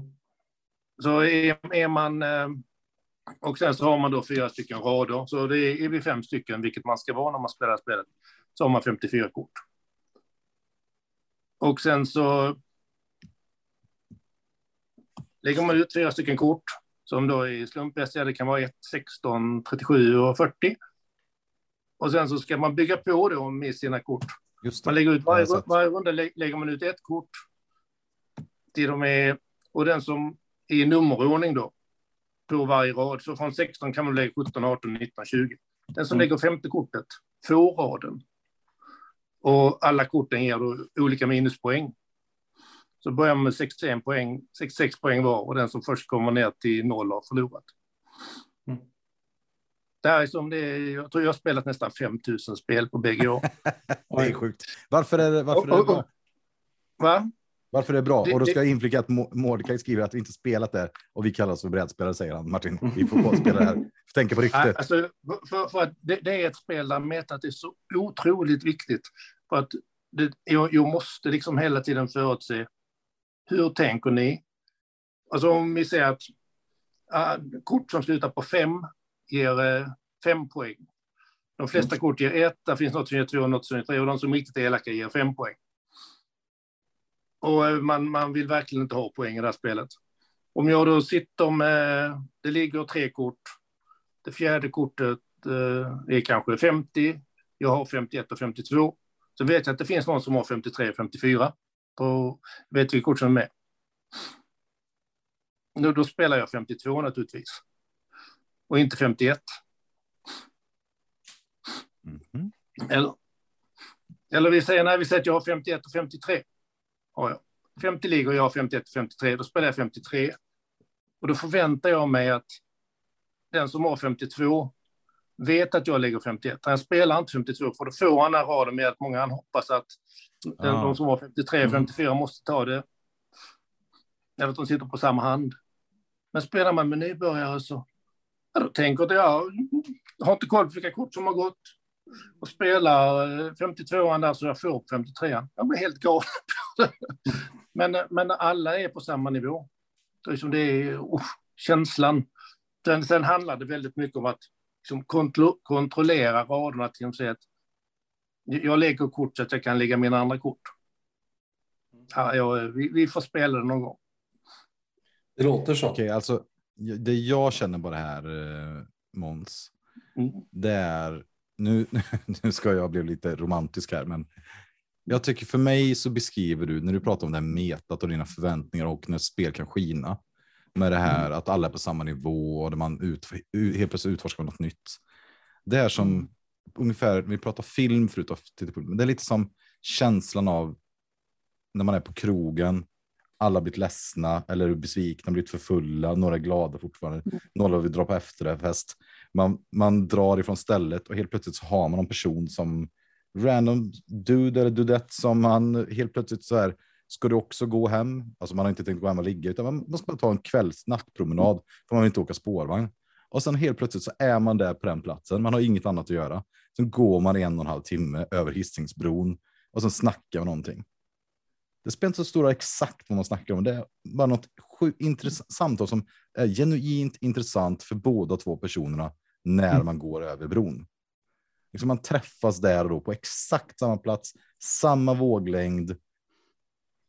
Det är fasen med något fint med det alltså. Det är något magiskt. Det är något så här, den här känslan av två personer som gör samma sak på precis samma villkor och som tycker om det. Det är för mig vad jag hör när du beskriver den perfekta metagrejen. Mm. Och då fattar jag varför jag gillar brädspel. För det, vem vill inte ha sådana möten? Varför? Det är klart man vill ha interaktiva möten. Och det är det jag känner. Du har beskrivit så bra här. För när jag saknar interaktiva brädspel så känner jag. För när jag kollar på Terraforming Mars som vi pratar om här. Och jag kallar det för vindrickarspel. Det är ju ett snällt sätt att säga att det här är parallellek. Jag bryr mig inte. Jag zonar ut. Och det är inte att jag zonar ut från spelet, för det gör jag inte. Men jag zonar ut från det här mötet. Vi är inte på samma plats. Vi är inte på, liksom, jag bryr mig inte. Ja, jag vet inte. Nu, eh, det var kanske för romantiskt här, men det, jag, jag, jag förstår verkligen här vad du menar. Jag, jag håller med. Jag har inte sett på det på det sättet. Erik kärleksstund alltså.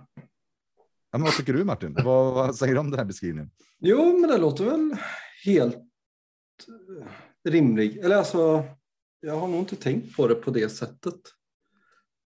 Så.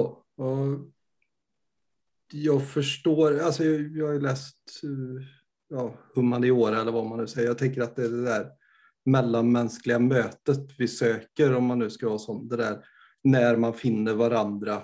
Och egentligen det där mötet över bron skulle egentligen kunna varit i tystnad för att man någonstans eh, är på samma ställe. Mm. Ja. Sen är diskussionen eller spelet en, ett verktyg för att uppleva någonting ihop. Men det är väl därför man är kär i spel. Det är väl inte därför... eh, Det är väl skönt om metat kan hjälpa en att fortare komma dit. Ja. Och det är därför det du måste beskriver, det känns som en käftsmäll. Alltså. Man tänker att man satt på den här middagen och skulle ha, en, ha byggt upp allting för att man ska ha ett underbart samtal och träffas. Och sen någon bara som inte vill. Eller inte orkar eller inte bryr sig. Bara, det är som en lavett i ansiktet. Nej, nu är jag upprörd. Så jag, Någon som bara sitter och pratar om sig själv. ja, men det gör vi väl alla, men Ja, men, Ja, men typ någon skulle sitta och kolla på sin telefon hela middagen. ja, visst. Det lärde sig Martin väldigt snabbt att det är fast med fullständigt oacceptabelt när man kommer hem till mig. Ja, det, Ja. så är det. Men jag tycker också, där är det också så. Är det bara en person som sitter med telefon, då är det oacceptabelt. Sitter alla och typ dricker en kopp kaffe och scrollar BG så är väl det okej. Ja, ja visst, då är metat något annat. Mm. Och det är det som är intressant där. Men det är också, jag tänkte det faktiskt nu om man drar tillbaka till lite konkret brädspel. här. Nu när vi spelar 1830, 1889 och sånt, så Mm. har jag ju flera gånger refererat till vårat meta. Och Mm. sagt att det här, jag ser inte det här som att det är rätt eller fel. Och för den, Jag tycker att generellt så är folk ganska dåliga på att prata om det här på det här sättet som du pratar om Måns. Att de säger så här, den är värd si och så. Mm. Och det är något slags ställningstagande som är att det är objektivt sant att privaten nummer fyra är värd en viss summa. Men det är ju på grund av metat.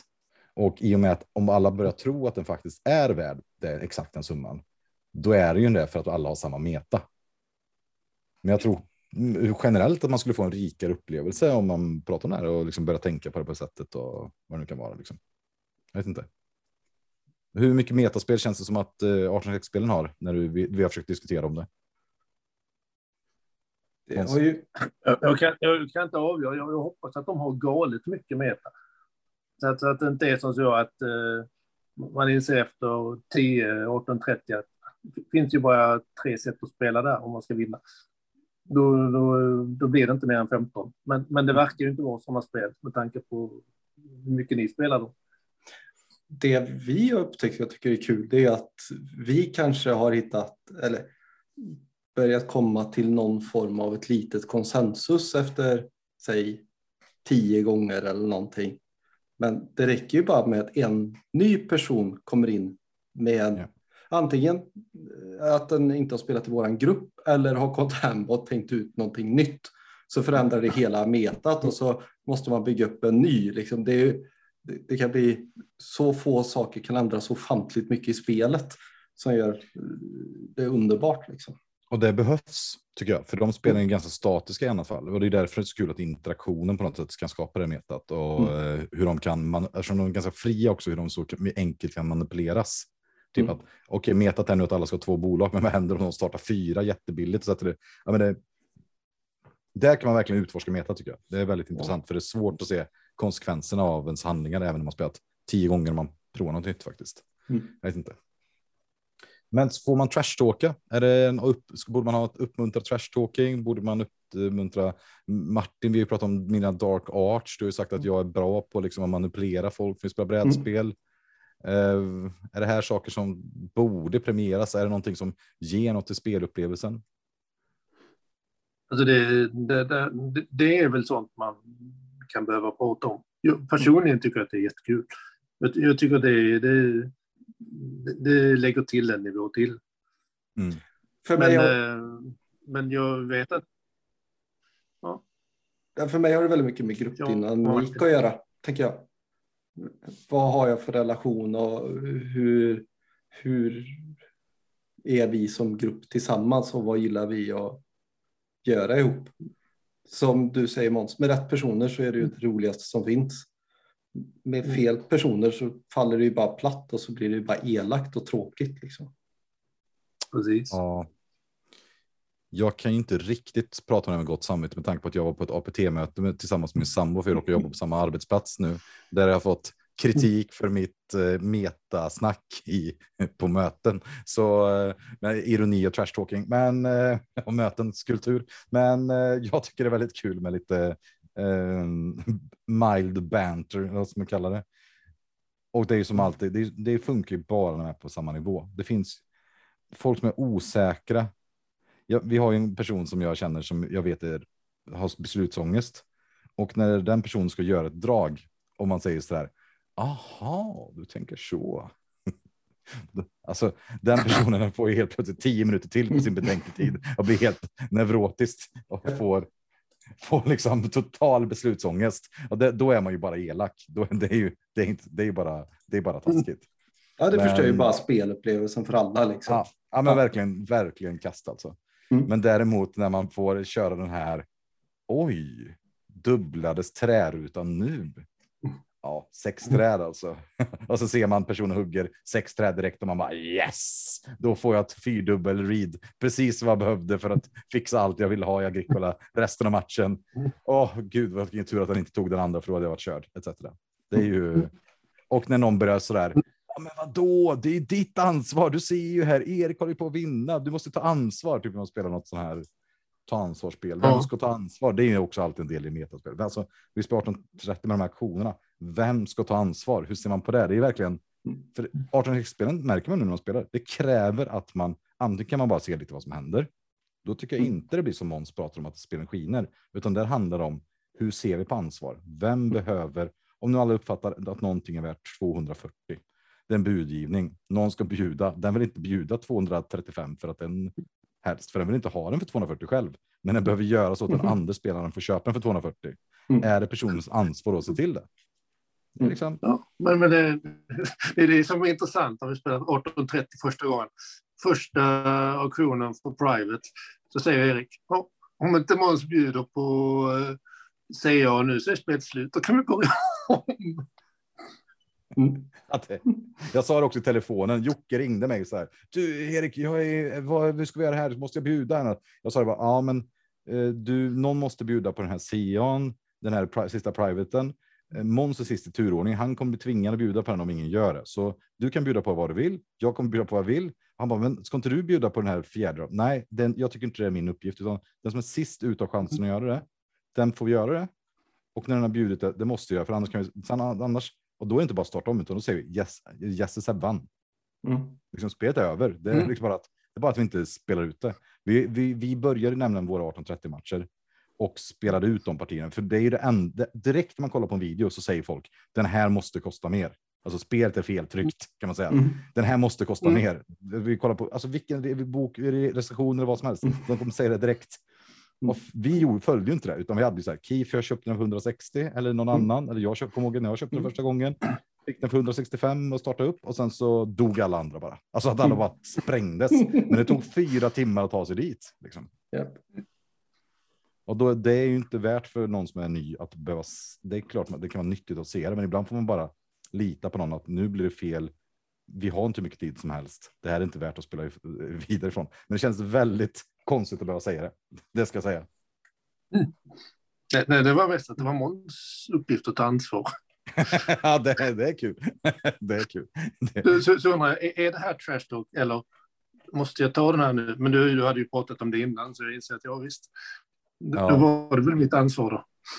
ja, Erik vet ju hur dåligt det går när man inte tar ansvar och spelar Hansa liksom. Bara ger bort vinsten. Prata inte om det. Mardrömmar när jag gav Mattias vinsten och inte spelade bra till den vänstra personen om mig. Mm. Åh. Nej, men och det är ju ändå det som är kul med de här spelen när man pratar ansvar. Det är ju verkligen en rolig del av trash talking. Eh, Alltså att Mm. man säger nu, nu måste du ta ansvar, ta den här dåliga rutan och bla bla bla bla bla. Mm. Det är skitkul alltså. Det, men som sagt, det går inte att göra nu när jag ska Ja. liksom, försöka ha nybörjarsession och säga typ så här trash talka er och sen lura er. Det, nej, det känns ju rätt kast bara i så fall. Det, nej. För, för mig, för det är ju intressant just metaprat. För mig är ju att lära sig 18 spelen är ju att lära sig tänka på ett meta. Att du försöker förhålla sig till Mm. det, skapa ett eget. Om man ska in, integrera med andra, att man diskuterar hur man ska spela innan. Men det var en av de första sakerna vi spelar nu, sa jag så här. Hur, hur vill ni att vi gör? Ska vi försöka maxa spellängden? Eller försöka avsluta så snabbt vi kan när vi har en vinnare? Mm. Det är en grundläggande fråga tycker jag. Jag vet inte. kommer ihåg när vi började spela med Göteborgsgänget. Eh, Fabian, Mattias och. Henrik. Och det bara ringde mig helt extatiskt. Bara, de har ett helt annat meta. De gjorde så här. Hur kan det här gå ihop? Bara, va? Hur, funkar det? Va? Hur gick det då? Jo, jo, det, det gick åt helvete. Va? Alltså, och, och hur allting liksom bara förändrades för att vi fick in nya personer i spelgruppen. Liksom. Just det, när vi, all, de köpte bjöd svin mycket på alla private, så vi Mm. spelade helt utan för mig. Ja. Ja, intressant. väldigt intressant. Och hur man liksom kommer till någon ny konsensus sen för att det, det funkar inte att köra den gamla eller den nya utan man måste hitta en ny ny eller vad man nu ska säga. Ja, ja verkligen intressant alltså. Det är eh, så. Vad skulle du vilja tipsa folk där hemma då, som aldrig har pratat om de här sakerna? Har ni något tips? Måns, har du något tips? Det är ändå du som blir för mest förbannad här.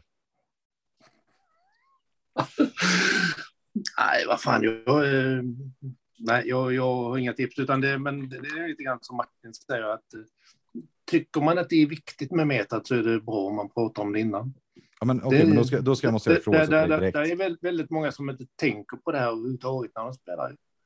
Så tror Och- inte och det- det- blir... Ja, förlåt. Petter, prata färdigt. Alltså, jag, jag, tror det är lite, spelar man eh, den typen av spel som vi tycker om Mm. då är ju metat viktigt. Då, då, tycker jag att då, då gäller det att se till att alla liksom har samma inställning när man sätter sig vid bordet. Spelar man uh, mer solitära spel, då, då behöver man inte fundera lika mycket på det. Ja, men då, jag fattar, vad du- då håller med dig. Jag håller med dig. Martin, vad säger du? Nej, men jag, mitt tips är väl så här. Tänk på de typ tre viktigaste sakerna för att du ska få en bättre spelupplevelse. Och så prata om de tre. Det behöver inte vara 70 eller det kan vara en eller men alltså tre tror jag brukar vara en ganska bra Vad grej. skulle du ha tre då? Kan du Vad komma jag- med tre konkreta? Mm. Ja, men det är ju vad är syftet med att vi träffas? Det är ju punkt ett liksom. Är det att Det är alla kul, satsar? Nej, det är det inte. jo, det är väl klart det. Men jag tänker att är det för att vi ska ha en vinnare eller är det för att vi ska sitta och köta runt ett bord och ha någonting som binder oss samman? Det är två olika saker för mig. Det är väl punkt ett. Och, Eller är för, det obegriplig eller? Nej, jag bara tänker helt annorlunda än vad du tänker. Så det är därför jag bara försöker tänka hur det går ihop. Men eh, föredrar du berätta? Ja, men så tänker jag punkt två, det är det här, alltså hur mycket får vi prata runt bordet med varandra? Hur mycket trash talk är okej liksom? Allianser till exempel är en tipsa- klassiker. ja. Är det okej att spela med allianser? I vissa krigsspel är det ju liksom avgörande. I 18xx så kan man ju inte gå in i... Där har vi kommit fram till att allianser är värdelöst, att det får finnas liksom. Nej, så är det inte. Ja, Tvärtom. bindande lov då, det är inte Ja. okej. Ja. Eh, Allianser som man får bryta och sådär. Är det okej att bryta saker man har sagt att man ska göra för att situationer ändras och sånt där? Just det, för det var jätteintressant metagrej, att vi var tvungna att bestämma att om, alltså, om man lovar varandra i spelet, att, eller så här, vi ska, vi ska inte bygga, lägga en station här, så skulle det vara moraliskt riktigt att bryta det och moraliskt fel att inte bryta det när man inte längre trodde att man tjänar på det. Ja. För vi var ju obekväma med att man hade ljugit i spelet så säga, och inte hållit vad man lovat. Och då sa vi att då faller spelet ihop. Mekan, så, här, så vi måste säga att det är moraliskt fel att inte bryta löftet. Mm. Jag tyckte det var en intressant metadiskussion på tal om det här. Ja. Ja, Okej, och så Lite också hur mycket engagemang Hur, hur, hur, hur, vä- vänta lite. Erik, man- hur hamnar ni där? Ja, det kan Erik, ihåg alltså- Martin? Erik och Henrik gick ihop och sa att vi sätter inte ut eh, på var det Boston va? 1830. Ja. Ja.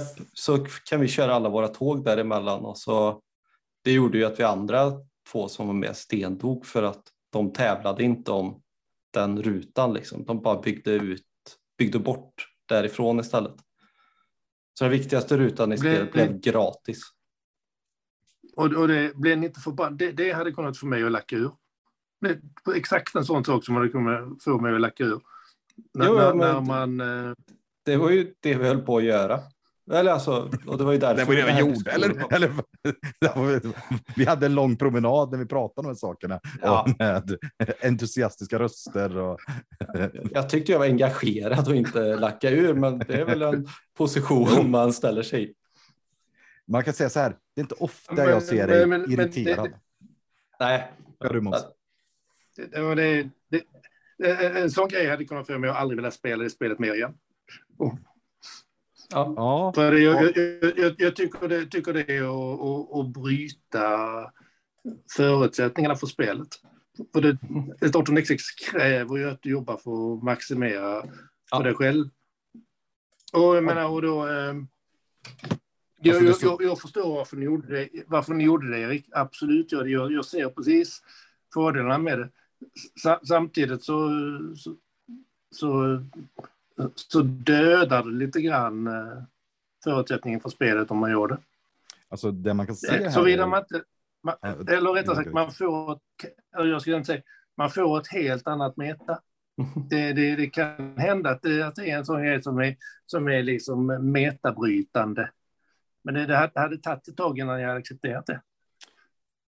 Och, och det var ju verkligen där det var. Så att det, det vi, argumentet för att vi gjorde så här vi- var att vi båda tjänade på det.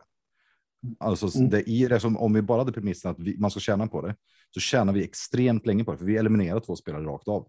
Alltså de andra två bara förlorar rakt av. Och så kunde vi andra göra upp. Ja. Vi två gör upp resten av kartan. Men, men det som, men jag kan, jag har en del till som verkligen bröt det för oss, för det här var inte hela sanningen. Men eh, det vi upp, sen så var ju det som blev problemet var ju sen, som tyckte jag då, att när det började märkas att en av oss höll på att vinna mot den andra, då hade den andra som uppgift att försöka egentligen då att bryta den här samarbetet och sätta en station för den inser att nu är det här mellan dig och mig och jag tjänar jättemycket på att bryta samarbetet genom att sätta min station här och döda din rutt och ta den själv. Men kände då båda att den personen kände att men då går jag emot löfte som är liksom utanför spelet och eh, att på, jag kan inte bryta löftet som person, men som spelare borde jag bryta det. Och då spelar man inte spelet längre och det var där på något sätt det bröt ihop allting eh, jättekonstigt. Och då hade vi det här pratet och diskutera om hur vi måste spela det här från den punkten. Och det var ju verkligen tyckte jag så här, wow, vilken spelupplevelse som man pratar om meta, att vi var tvungna att gå och prata om det här, diskutera det här. Och det visar ju bara Martin, tycker jag, hur mycket vi tycker om varandra. För vi slutar ja. inte spela spel. Jag fattar ju verkligen att man skulle bli vansinnig av det. Jag skulle bli svinförbannad. Sen bara, vi har spelat i tre veckor synkront. Ni går ihop och gör det här. Och jag tror verkligen det var så. Vi spelade två eller tre partier. Martin och Henrik ihop i ett parti, jag och Henrik ihop i något annat, vilket vi hör vem som är skurken. Men det värsta med allting var att vi skötte den här tabletalket i smyg vid några tillfällen. Mm. Så att det var inte liksom pratet runt bordet, utan pratet runt omkring. Och då så insåg jag att det här kan vi inte göra. Det här pajar hela spelet. Alltså man kan inte ha pågående allianser som är utanför det allmänna. Då tyckte vi det, där går gränsen och sen var vi tvungna att börja det, det, bena där. Vad ska vara okej? Vad ska inte vara okej? Och då kom vi fram till att man får samarbeta för att gynna den. Det, eller rätt sagt, man måste samarbeta för att det gynnar den. En premissen att man ska försöka vinna. Man ska samarbeta när det gynnar den. När det inte gynnar den, då ska man inte samarbeta. Eh, sista så här, konkreta tipset jag har. Alltså rent krasst bara, hur lång tid har vi på oss? Har någon en tid där måste sluta spela? Så att inte någon helt plötsligt när klockan blir tio så här, jag, jag måste åka tio så att alla mm. vet om det. Eller så här, ja, vi kanske inte hinner färdigt spelet om vi nu spelar, ska vi spela det ändå? Liksom, så att inte någon sitter där och liksom är skitstressad medan de andra säger nej, jag har ingenting planerat. Så där. Eh, mm. Det, ja, den tror jag är bra att ha sådär. Mm. Eh, Mordecai har en poäng här på chatten också. Han säger att eh, det intressanta är att det finns många inom 1806 som hävdar att negotiations är en väsentlig del. Och eh, jag säger så här, 1889 funkar bara med det. Det är ett ofullständigt spel för att det finns för få tågplatser i det. Man måste, det är därför jag tycker det är avancerat. När man spelar och inte är bara nya, då måste man kunna få köpa tåg av varandra. Mm. Jag håller med. Men då måste man snackat om det innan, för annars blir man vansinnig. Jag vet ju själv, jag spelade mot Love, allt var klart.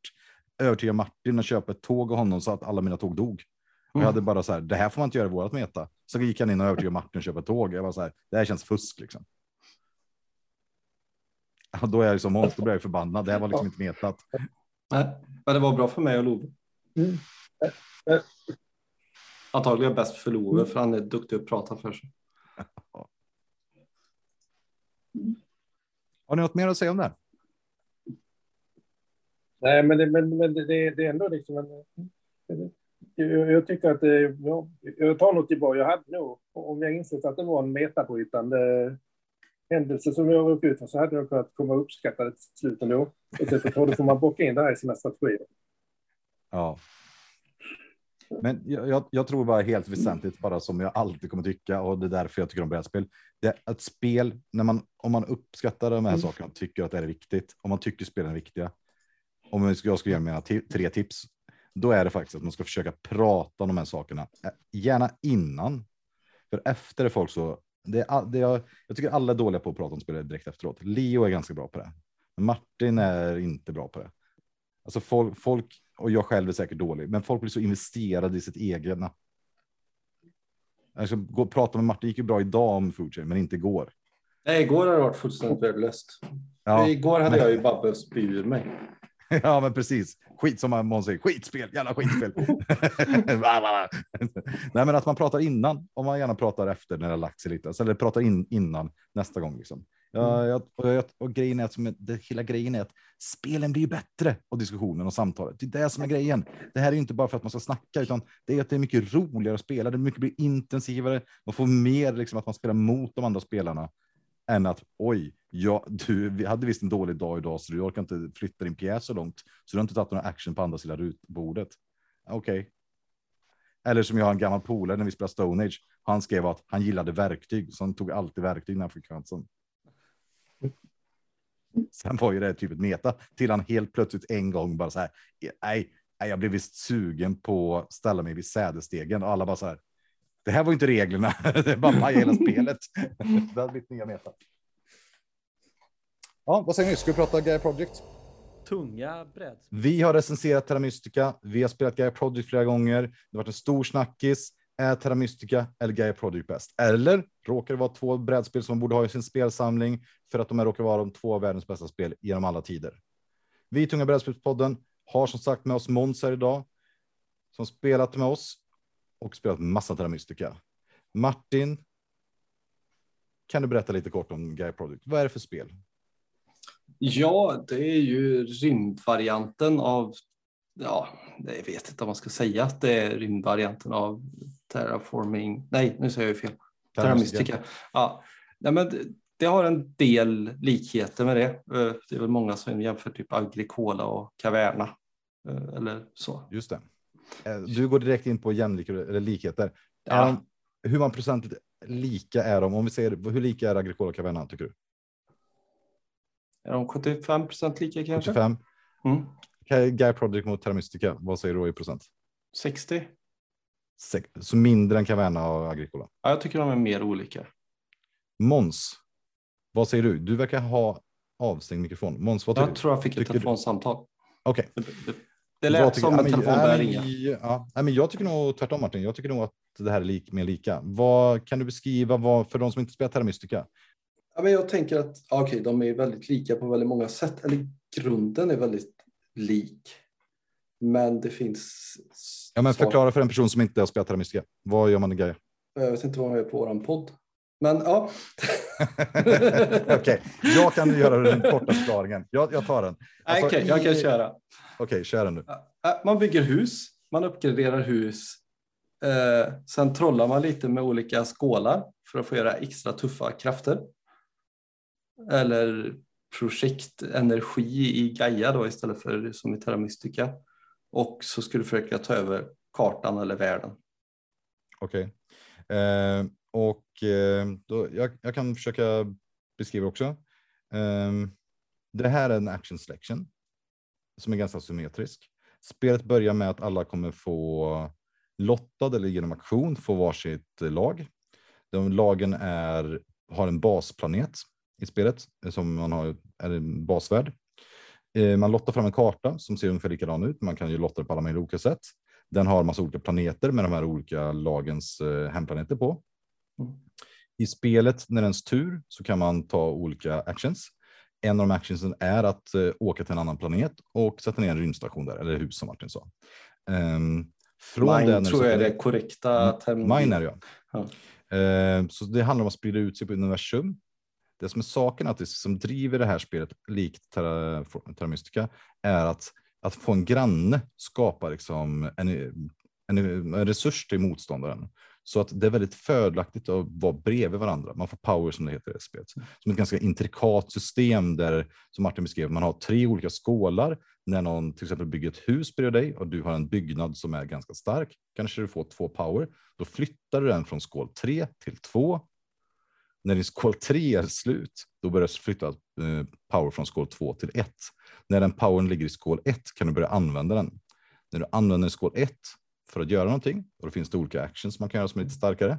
Då flyttas de tillbaka till skål 3. Så det handlar liksom om att ha någon slags eh, rotation i sin, eh, sina, sin power i spelet. Mm.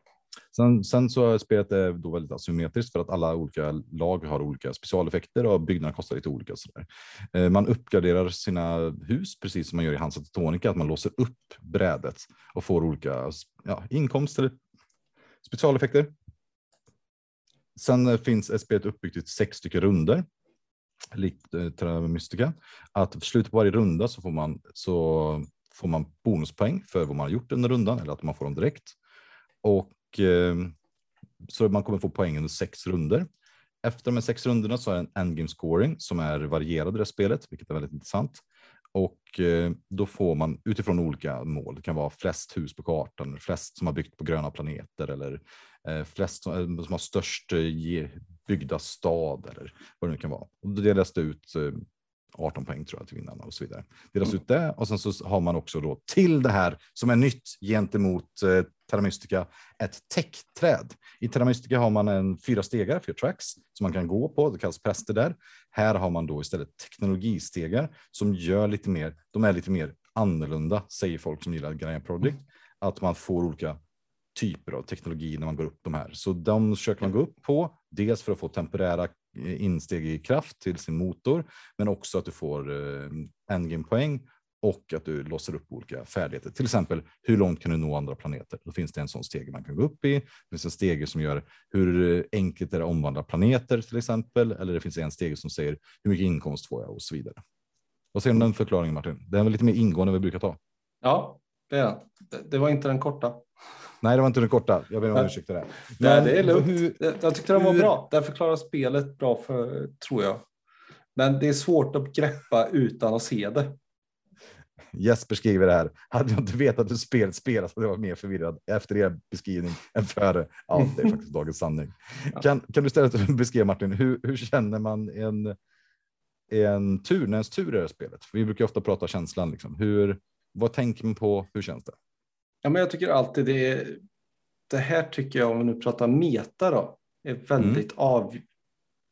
Det, det finns två delar i min känsla här. Antingen så vet jag att jag kommer göra så lite saker den här, om den här ja, rundan eller vad ska man säga. Mm. Så då har jag, kan jag inte påverka någonting. Så då är det lika bra jag bara gör så att jag blir klar med min tur så fort som möjligt så att alla andra får så mycket tid som möjligt att göra sitt på. Eller så hamnar man i de där roliga rundorna när det faktiskt kan påverka om jag bygger den här byggnaden före den byggnaden. Ja, jag tävlar om den här planeten, men om Erik eller hen inte gör det här, då kan jag ju kanske lyckas göra bägge två, lite som du pratade med det här med draften förut. Just det. Då kan du ju lyckas göra båda de grejerna du vill göra om du gör det i rätt ordning. Mot ja, precis. Ja. Och då blir det ju jättemycket så här fundera på vem gör vad, när och hur blir det bäst för mig? Och då är det ju det är då spelet skiner skulle jag säga. Mm. Den där tråkiga rundan när man inte kan göra så mycket för det är vi ganska överens om att det, man har en eller två sådana som bara är uppbyggnad av produktion i stort sett. Jag tror vi har det för att vi är dåliga också. Ja, så kan det vara. Men, men om du skulle jämföra med något annat spel som har den känslan, och inte Terra Mystica då, för jag antar att Terra Mystica kanske har lite liknande. Men vad skulle du säga att eh, du skulle jämföra i känslan när jag spelar det?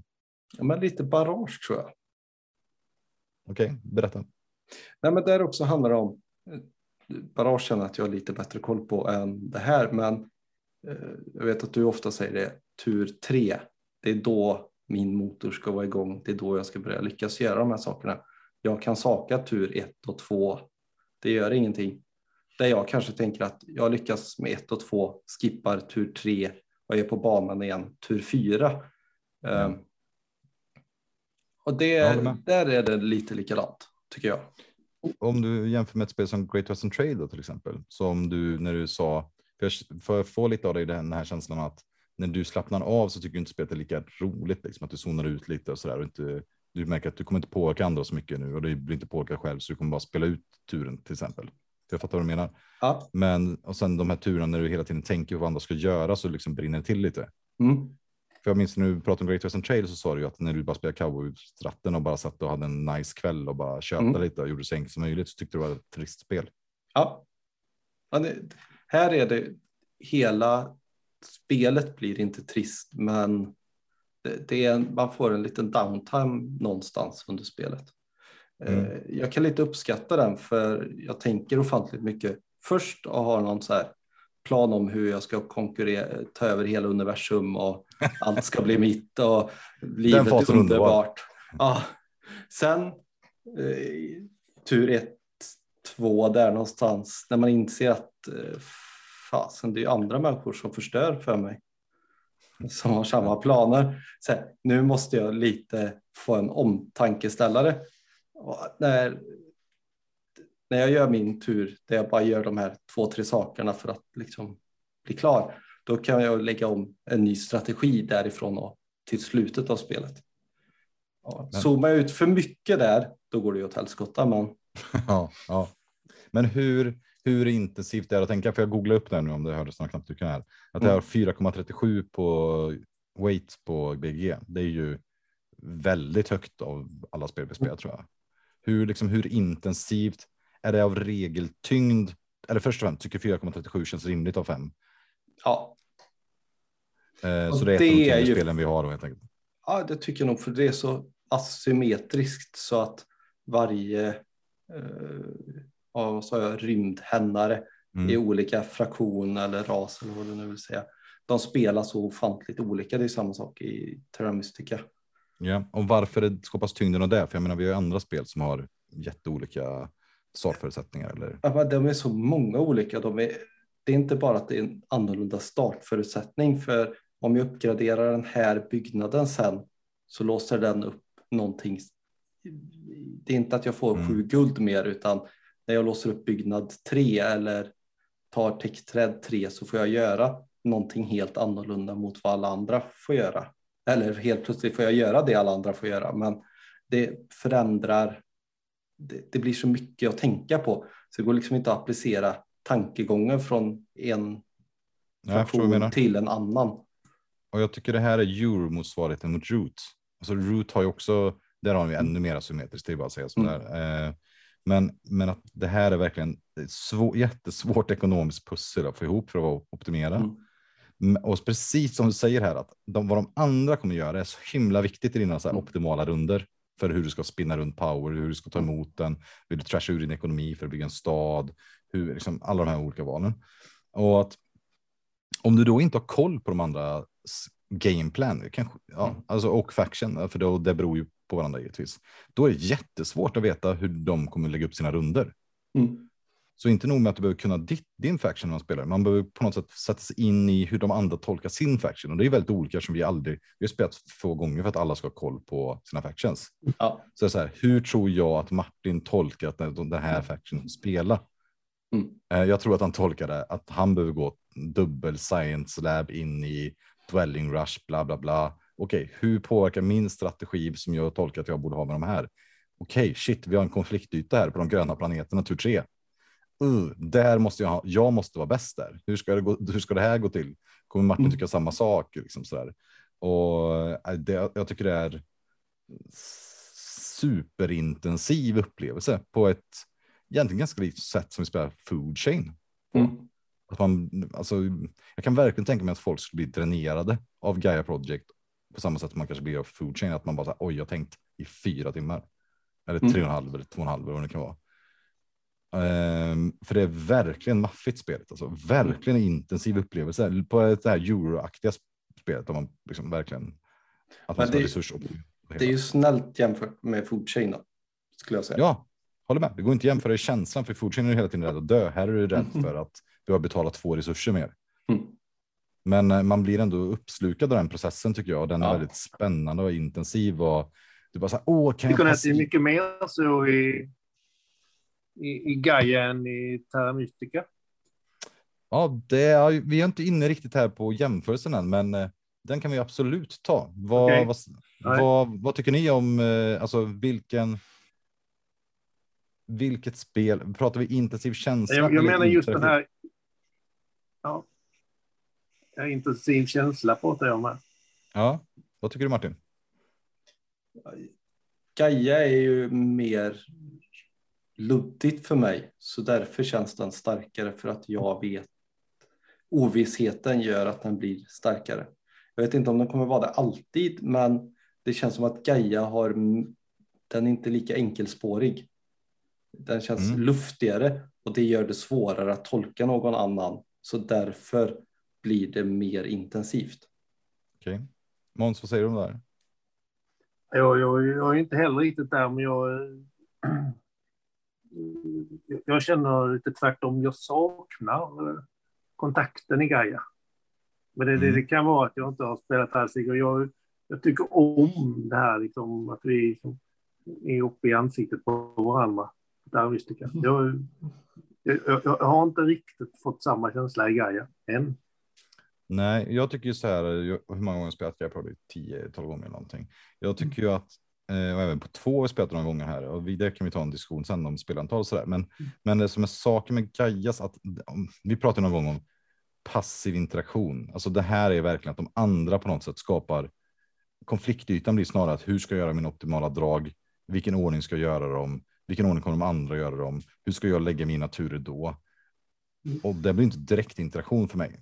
Det här borde förut vara ett avsnitt vi pratar om interaktion där, men, men för mig så är det vill jag spela optimalt måste jag hela tiden tänka på vad de andra gör och det skapar en press i hela systemet. Alltså jag, okay, jag vill verkligen liksom. Okay, min plan i den här rundan är att få ta power action för två knowledge. För att få det måste jag först vara den som har fyra power. Då får jag inte bygga det här huset bredvid Martin, för då får han fyra, fyra power först. Jag tror också han vill ha fyra knowledge, så jag måste göra något annat drag som jag behöver göra den här turen, för jag har inte hur mycket resurser som helst, men som inte ger Martin power.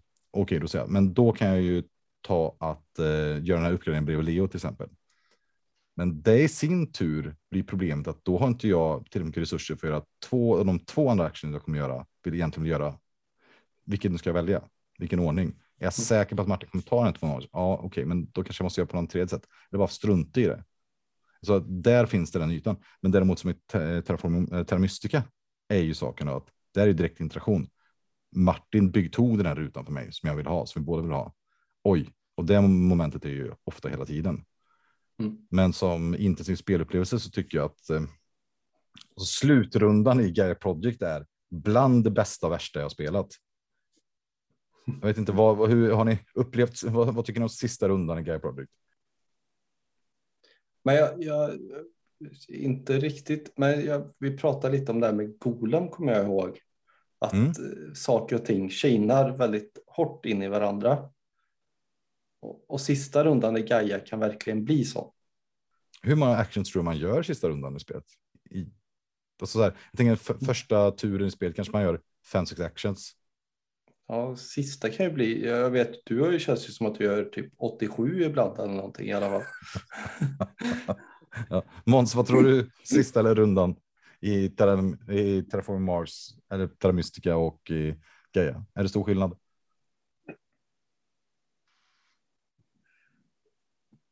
Undrar Måns fortfarande. för mig. Jag, jag har inte till, tillräckligt bra snop på Gaia än.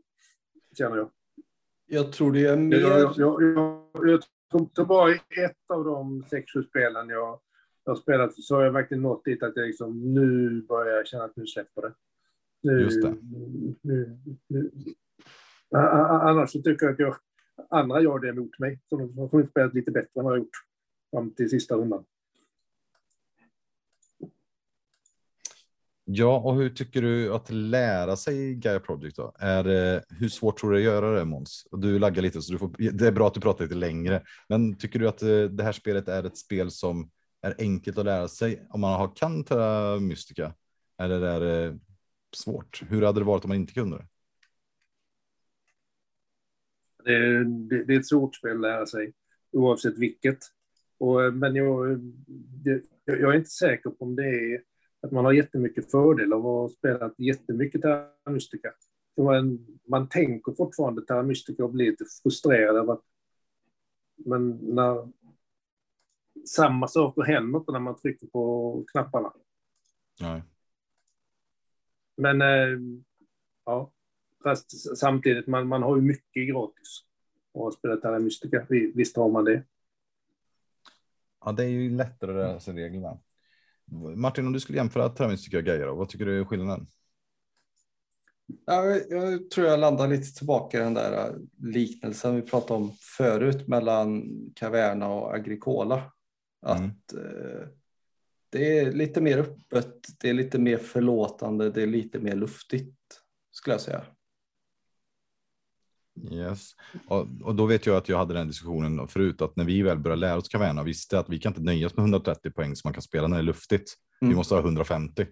Ja, Och då tyckte jag att det spelet, Caverna blev jättebra det spelet, för då kändes det tight fortfarande. men friare och öppnare på något sätt. Ja, precis. Det finns inte bara ett val att hamna där utan några olika val att hamna där. Ja, ja det, det uppskattar jag mycket. Men Ja. det som är stora skillnaden för mig är just sista rundan i Gaia Project. Alltså, jag tycker att oj, alltså gå in i den. Jag får, jag får nästan lite svindel alltså ibland när man vet så här. Okej, jag kommer ha ha så för skillnaden i Terramystica, Terraform eller Ter- Terramystica och Gaia Project är ju att du kan använda powern i din motor till andra saker än att bara åka runt och göra ge en, någon slags res, res, annan resurs. Att du kan skapa, du måste ha dem för att skapa städer. Du ska ha dem i vissa andra lag, ska du göra andra grejer med dem och så där. Och, och då är alltså det blir som press att du dels måste fundera på när vill du krympa din motor med den här powern? När vill du bygga dina städer? När vill du få utväxling på det? Och du går in och du vet att jag kommer antagligen göra över 17, 18 actions sista turen. Och, beroende, och jag måste bestämma i första gången jag tar power i rundan, första gången de bygger bredvid mig, så måste jag be- bestämma. Tror jag, för man förlorar i VP varje gång man tar emot för power. Tror jag att jag kommer kunna få utväxling den här rundan av powern? Hur mycket power kommer jag, för jag, de här två power jag tar emot nu förlorar jag bara VP på. Jag skulle behöva säkert 10 power den rundan för att kunna bygga en sak till. Men om man bygger den saken till så skulle jag kanske kunna ge mig en stad till, vilket i sin tur skulle kunna ge mig 10 ytterligare poäng. Så att här, man måste liksom ta beslut direkt och sen börjar man göra sina actions och sen försöker man hela tiden göra sina actions så att man inte ska maxa de andras power utan man ska liksom, när de har fyllt på sin skål och kan vill använda den, då ger de power till exempel. Och Mm det är ju så jäkla svårt rent ut sagt för att när det kommer till ens tur så är det så här. Okej, jag har 24 stycken pengar, jag har 17 arbetare.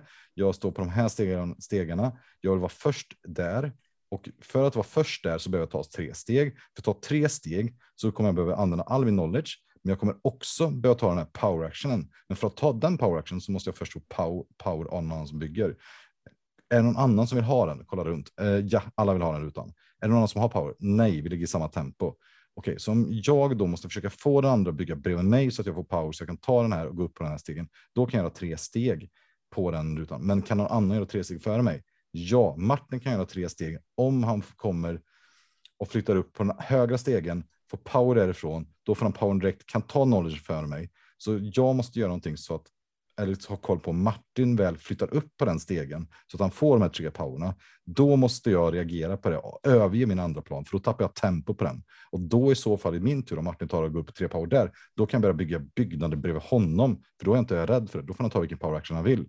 Och när han börjar, börjar få de power actionerna, då måste jag ta ett beslut om ifall jag ska gå för tre eller fyra städer, vilket påverkar min endgame scoring. Och endgame scoringen scoras mot Leo. Det är Leo som försöker bygga hus. Så om jag försöker ta den gröna planeten ner till nu istället. Men frågan är, spelar jag mot Martin eller Leo på det stora hela?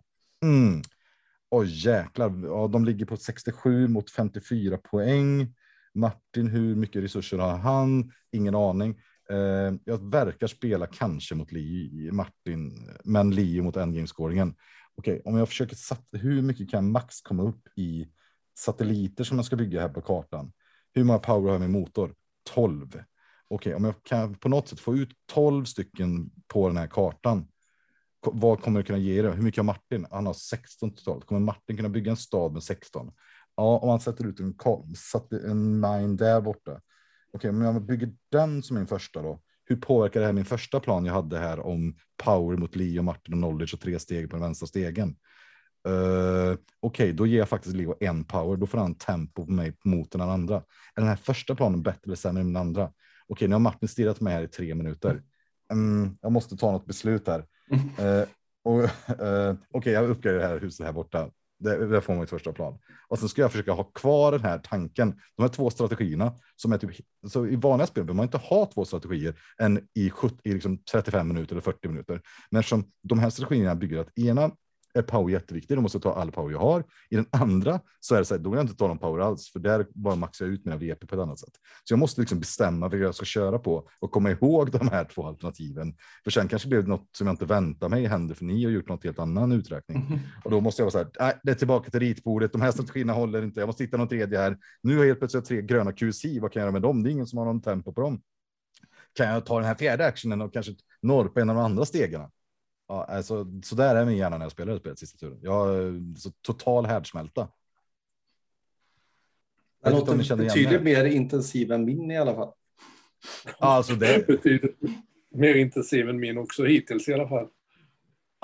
Alltså jag känner bara hur jag, raset i hjärnan kommer. Alltså jag, det är verkligen så där att jag börjar bli kallsvettig inför rundan och jag ser bara. Här ska, kommer jag kunna få ihop det? Och, och det jobbiga av allting här. Men det, eh, Erik, det, ja, får du den här känslan när du spelar eh, async också? Eller bara när du spelar live? eh, Så, så, så kan det bara bli för mig när jag spelar live. På Ja. riktigt, med Jo. mot folk. det här är anledningen till varför jag slutar spela asynkrona spel, få asynkrona spel. Att jag märkte att spela ett eller två spel så kan jag ha den här känslan fast den pågår en hel jäkla dag för att jag går och väntar på att någon ska göra sin tur. Jag ska få reda på om Martin ger mig tempo på den högra stegen eller inte. Och jag bara så här, oh, vad kommer han göra? Vad kommer han göra? Kommer han ta tempot? Och sen göra något helt annat, helt random. Jag bara så här, det här hade jag inte tänkt på. Nu har vi, måste jag tänka på det här. Så därför var jag tvungen att spela jättemånga spel så att jag inte kunde gå in i de matcherna på det här sättet. Så ja, ja, ja, jo. Det är väl korta svaret. Går inte vi Men- ganska överens om att Gaia var kasta synk jämfört med TM? Har du ändrat dig? Nej, men jag kan säga som jag tycker är jobbigt i Ga- Gaia. Framför, framförallt, jag, jag tycker att eh, implementeringen på BGA är kass. Ja, det är den. Ja, det är jag fullständigt med. Ja, jag håller med. Men det jag tycker är jobbigt både i Jag, jag vill bara spela det. och jag tycker det är jobbigt här i Gaia Project. Det är att i sista rundan så finns det många faser i spelet jag faktiskt må, måste räkna. Att ska jag, måste, om jag ska liksom med heden i behåll gå ut och känna att så här, jag har gjort mitt bästa, då måste jag faktiskt räkna. Hur många byggnader har jag råd att bygga den här rundan? Jag måste på något sätt göra en estimering. Och sen får det vara en känsla ibland, men, men att skillnaden mellan det där sista huset som man kan sätta ut eller inte, som vi spelar Terra Mystica på fem, Mm. det är ju ett sånt otroligt ras. Och att helt plötsligt så hade du gjort en strategi som du inte hade någon täckning för. Du hade liksom inte, du hade ingen budget för det. Och det, det är så ett tråkigt sätt för att det skapar sådana enorma konsekvenser för spelet. Att jag inte orkade räkna, vilket vi är inne på metan här. Att jag inte orkade räkna gjorde att jag då försökte tävla om flest hus som jag aldrig kunde vinna. Därför hoppade jag över att tävla mot den spelare som jag kunde vinna mot eller mot det jag kunde ta poäng på, vilket gjorde att jag fick färre poäng, sabbade för någon annan som borde kommit tvåa om jag bara direkt efter för att maximera våra båda poäng och bara avgjorde matchen rakt av på att jag inte orkar räkna. Jag tycker att eh, Terra, Terra Mystica verkligen har det problemet, för där är de sista rundorna i spelet inte så komplexa. Det är väldigt lätt att räkna ut hur mycket man kan få ut. Och i Gaia Project, där är det mycket svårare, men fler, vid flera tillfällen känner man så här, okej, nu kan jag faktiskt räkna ut vad ger mig mest vinstpoäng. Och då är frågan så här, hur mycket tid får jag på mig att räkna? Vad är okej? Ehm, ja, och det tycker jag är en väldigt tråkig sak. Alltså. Är det okej att räkna? Måste man räkna om man kan? Ja, Då kommer vi tillbaka till det. Har vi hur mycket tid som Och helst? lite grann måste man räkna i alla fall. Ja, lite. Sen, eh, Men vi, jag, känner någonstans, eh, det är ju någonting, hur mycket AP är okej att ha? Eh, och hur mycket bättre spelar du på grund av din AP? Där måste ju vara ganska, eh, om du har mycket AP som för att jag inte ska tycka att det är jobbigt så måste du spela väldigt mycket bättre. Mm. Och det är ju det det handlar om, att det känns, det känns väldigt relevant att någon skulle sitta och räkna ut det här. För att det skulle vara, mm, kan någon göra det jättesnabbt hade det varit jättebra, för det att på något sätt är optimalt spel och folk kan räkna med att du, så här, man kan titta så här, men du kommer inte få ut fem hus. Du, varför tävlar du på det här? Det är ju bara, du kastar ju bort dina resurser. Hade du maxat dina här så hade du tagit bort 15 poäng från Måns till exempel. Varför gjorde du så? Måns, vad säger du om det här? Hur mycket behöver man räkna?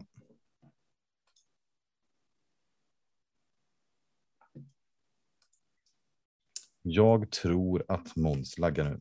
Så jag tänker så här. Klockan är strax 12. Eh, jag tänker att vi ska på något sätt eh, summera. Ska Gap Project eh, få finnas? Ska Terra Mystica få finnas? När ska man spela det ena? När ska man spela det andra? Efter vi har summerat och gjort en jämförelse så kan vi diskutera lite eh, hur bra är spelen? Men jag skulle vilja, när tycker du Martin man ska spela Gap Project? När tycker du man ska spela Terra Mystica? Ehm, bra fråga. Ehm, det beror lite på hur, Jag tycker definitivt, jag börjar en liten annan. Jag tycker båda två spelen har ett egenvärde och jag tycker att tycker man om det ena så kommer man antagligen tycka om det andra och därför finns det ett värde av att ha båda i sin spelgrupp. Det är inte för mig, den ena dödar inte den andra utan eh, de ger lite olika upplevelser. Och vad är skillnaden? Vad är det för upplevelser då? Nej, men jag tycker jag spelar, jag tycker bättre om TM än vad jag gör om Gaia. Men det är nog också för att jag kan det kanske lite bättre. Men jag tror Gaia behöver mer lite det vi varit inne på när vi har pratat om, vad heter det andra? Um, Great Western Trail. Det, det känns lite luftigt i början så det behöver spelas väldigt mycket om det ska spelas när det är som bäst. Annars så tror jag det är ett bra spel att spela i ibland för att ha ett tyngre spel som är trevligt. Mm. Och varför är det trevligt? Eller tänker du? För jag håller med dig. Ja, för du kan göra ganska mycket och du kan liksom titta på din board och säga att ah, det här verkar vara kul att göra. Uh, man kan sätta upp lite egna goals för sig, lite som när Caverna fick sina olika ja, raser eller fractions där också. Du får lite så här, det här borde du satsa på. Kan jag lyckas maximera det utifrån vad jag själv tycker? Eh, det blir en liten dubbeltävling i det. Eller förstår du vad jag menar? Ja, det, ena, verkligen. det ena är kan jag spela den här så bra som jag kan och det andra är kan jag vinna? Och jag tycker att Guy Project har verkligen den här upptäckarglädjen i spelet ganska mm. mycket, för det finns väldigt mycket som du säger att göra. Det känns. Jag tror man kan bli mycket bättre. Man kan bli väldigt, väldigt bra Guy Project och alltid vinna. Det är jag mm. tveklöst säker på. Men vägen dit är ganska. Det är mycket man ska dra sig igenom för att bli så skicklig spelare. Tror jag. Det är, vi pratat flera. Vad ska man gissa på? 300-400 matcher kanske. Mm. Ja, och, och ja, det finns ju mer. Det är matigare spel. Det är fler olika typer av val man kan välja än mm. Terra Mystica. Men eh, Terra Mystica är ju superbra en sak jag har märkt också, jag tänker mer när jag går hem och har spelat Gaia. Det kanske är för att vi har spelat det med live än, än över nätet eller asynkront. Mm. Men det är så här, om jag hade spelat Eriks lag, då hade jag nog gjort det här istället, för det tror jag hade varit bättre. Eller nästa gång jag spelar det här laget, undra hur stor skillnad det gör om jag går och låser upp den här byggnaden tidigt, för den var superrelevant late game som jag insåg sen att jag hade behövt tidigare. Det är mycket sån här, inte gå hem och tycka att man har gjort bort sig utan gå hem och liksom tweaka lite på det. Eller så där. Jag kan tänka mig att människor som håller på och kör bil, liksom, det är när de provar att ändra flödet av bensin i bilen för att det ska gå så bra som möjligt. Nu kan jag ingenting om bilar. Men... Nej, jag fattar vad du menar. Och det är väldigt intressant sak du tar upp här, för det här är, är verkligen lika för mig i Terra Mystica och Terra Product att det är kunskapsspel, alltså det är spel som du blir bättre för att du lär dig mycket om systemet. Du, mm. först, börjar förstå hur man kan spela vissa factions, du förstår hur kanske vissa endgame goal påverkar ekonomin eller hur ja, de här mm. mätarna funkar och sådär. Och det gör ju att det är väldigt svårt för en ny spelare att tävla mot någon som spelat några hundra matcher för att du behöver ha en viss kunskap i systemet. Så jag tror att det, det spel som överhuvudtaget blir man, om man kommer till en grupp som spelat mycket så kommer de kunna lära upp det lite. De kommer säga kolla på de här videorna och tänk lite så här. Försök satsa på de här sakerna med det här, med den här uh, laget och så där. Men uh, jag tycker ändå det är kul att vi säger att det är ett spel. Det säger ändå vilket djup det finns. Att du för att kunna det så behöver du spela ett par hundra matcher för att bli bra i det. Ja. Ska jag säga. Det, det, det, säger mycket om spelet ändå. För de flesta spelen ja. är man glad om de kommer till bordet fem gånger under sitt liv. Liksom. Ja, verkligen. Och, och det som jag blir så imponerad av Guy Project, eh, om pratar bara om det här spelet, är att det är så hög variation mellan omgångarna för att det är så mycket saker som ändras i setupen som jag tycker så Eurospel gör så bra i just.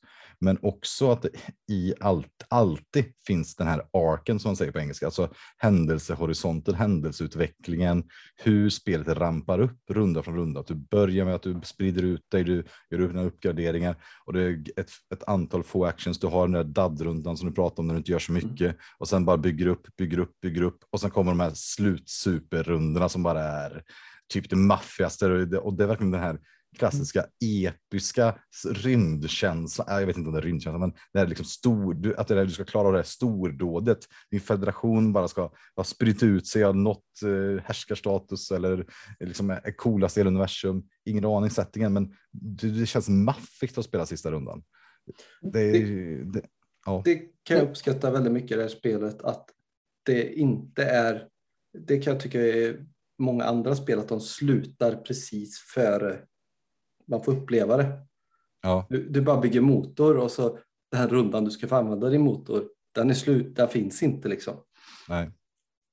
Det Eller ännu värre, den är, tre, den är tre steg för länge. Det är ju, Ja, det är ju ännu sämre. Men jag tycker den här eh, pikar bra när spelet är slut.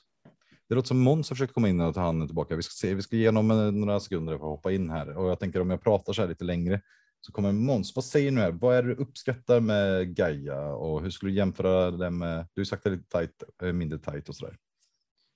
Alltså det, det jag uppskattar med Gaia det är ju egentligen att just det jag varit inne på att det är eh, det, det är klurigare. Det, det blir många fler saker att tänka på.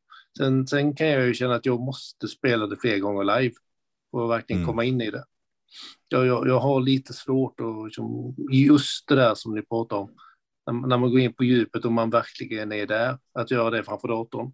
Ja, Det är nä, nä, nästan bara när jag spelar med bräde som jag får den känslan. Jag har gjort för lite med Gaia. ja. Annars så, min, min känsla på tillfället är att Gaia fortfarande är lite mer streamlinat, som ni var inne på Caverna versus Agricola. Mm. Och jag, jag uppskattar det ruffiga.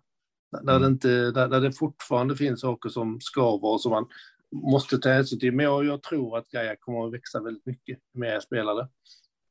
På riktigt. Ja, och jag, jag tycker det har varit jä- jättekul att spela live. Alltså jag verkligen jätteroligt. Och för mig anledningen till att vi spelat det var ju dels för att det är kul att prova något nytt. Men jag tycker ju att, att jag har en jättestark åsikt här om hur många spelare man ska spela här spelen på. Vi, rent tidsmässigt, vi vi, vi har spelat ett parti, jag tror jag fyra spelare som vi spelar async, eller live på digitalt. Alltså spelet skötte alla uträkningar från oss. Då får man att det tog fyra timmar. Digitalt. Så jag tror att är man då hyfsat oerfarna spelare som kan, sä kan säkert spela det IRL på 4-5 timmar. Jag tror att man kan spela det på tre timmar och jag tror man kan spela på två och en halv om man eh, verkligen har bra tempo. Men jag tror snarare att man kommer ligga runt tre timmars spannet. Medan eh, eh, Terra Mystica kanske är två och en halv timme. Jag vet inte vad ni, om ni har någon tanke om ti- speltid på Terra Mystica. Två och en halv, tre timmar. Ja, Och- brukar det ligga på.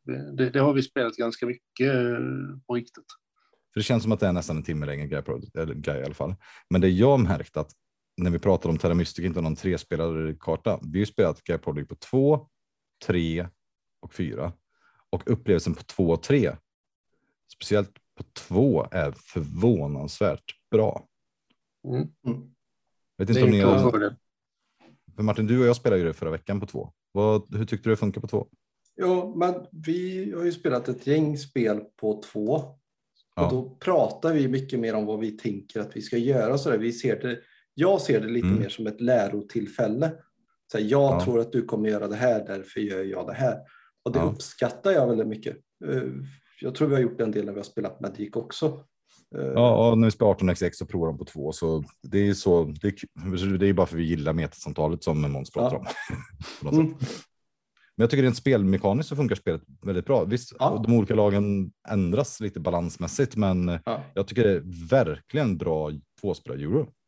Det finns säkert några man ska välja bort om man... Ja. Eh, det finns säkert någon guide för det. Jag är helt övertygad om att det är några som är för bra och några som är för dåliga. Liksom. Men för mig när jag tittar på rent krasst, så här, vilka eurospel är bäst på två spelare? Om man vill ha någonting som är liksom ett eurospel, det är resurser, det är inte super cutthroat. Vilka spel är bäst? Har ni några favoritspel på två som är eurospel?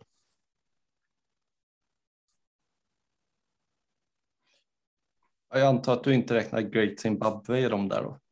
Au, au, ja. Eurodefinitionen får vi ta en annan gång. Great Zimbabwe Ja. tycker du är bra? Ja. Jag tycker det är mer? riktigt bra.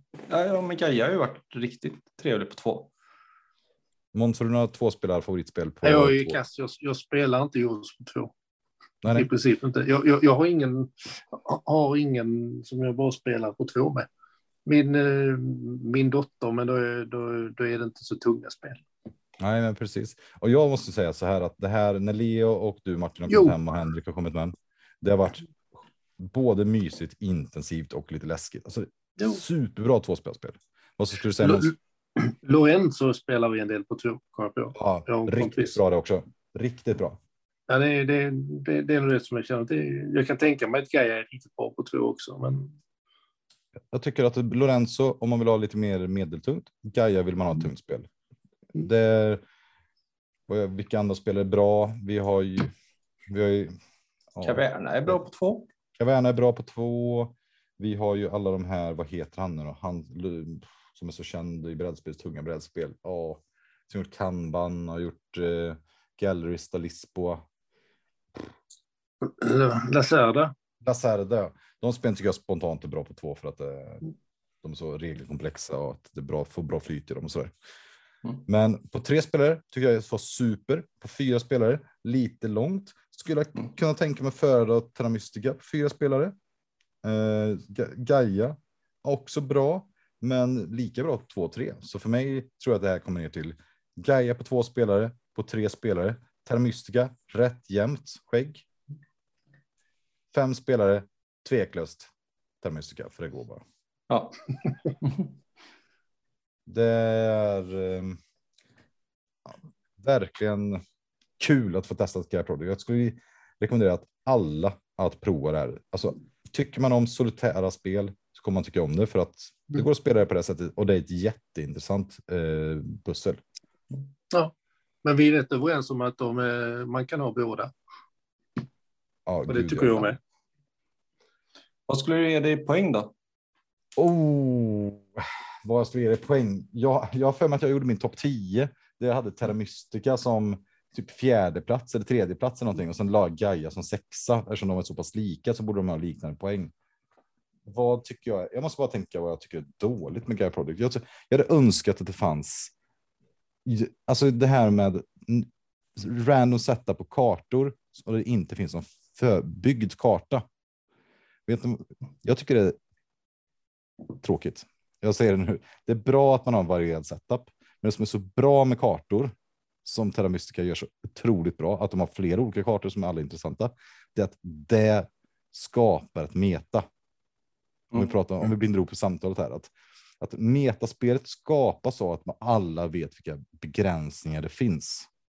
Och eftersom Gaia Project har så mycket svåra val i sig själv i systemet, så rent metamässigt så skadas det skulle jag säga av lite av den, en jättevarierad setup. Det har varit väldigt trevligt att ha en baskarta man kunde liksom ha som en utgångspunkt och sen när man blev mer avancerad och kunde spelet ännu bättre, då kunde man mixa upp det och byta ut lite tiles och sådär. Jag tror det finns väl ett typ låst setup om du vill. Jo, men om det finns en nybörjarsetup och en vanlig setup, vilken setup spelar man med då? Ja, ja, vi spelar alltid med vanlig setup. Ja, Men- vi kommer ju aldrig spela. Nej, och det är lite av ett problem. Men jag, jag skulle nog. Jag skulle nog säga att eh, Gaia Project är ett fantastiskt eurospel. Måste jag ge ett betyg till den?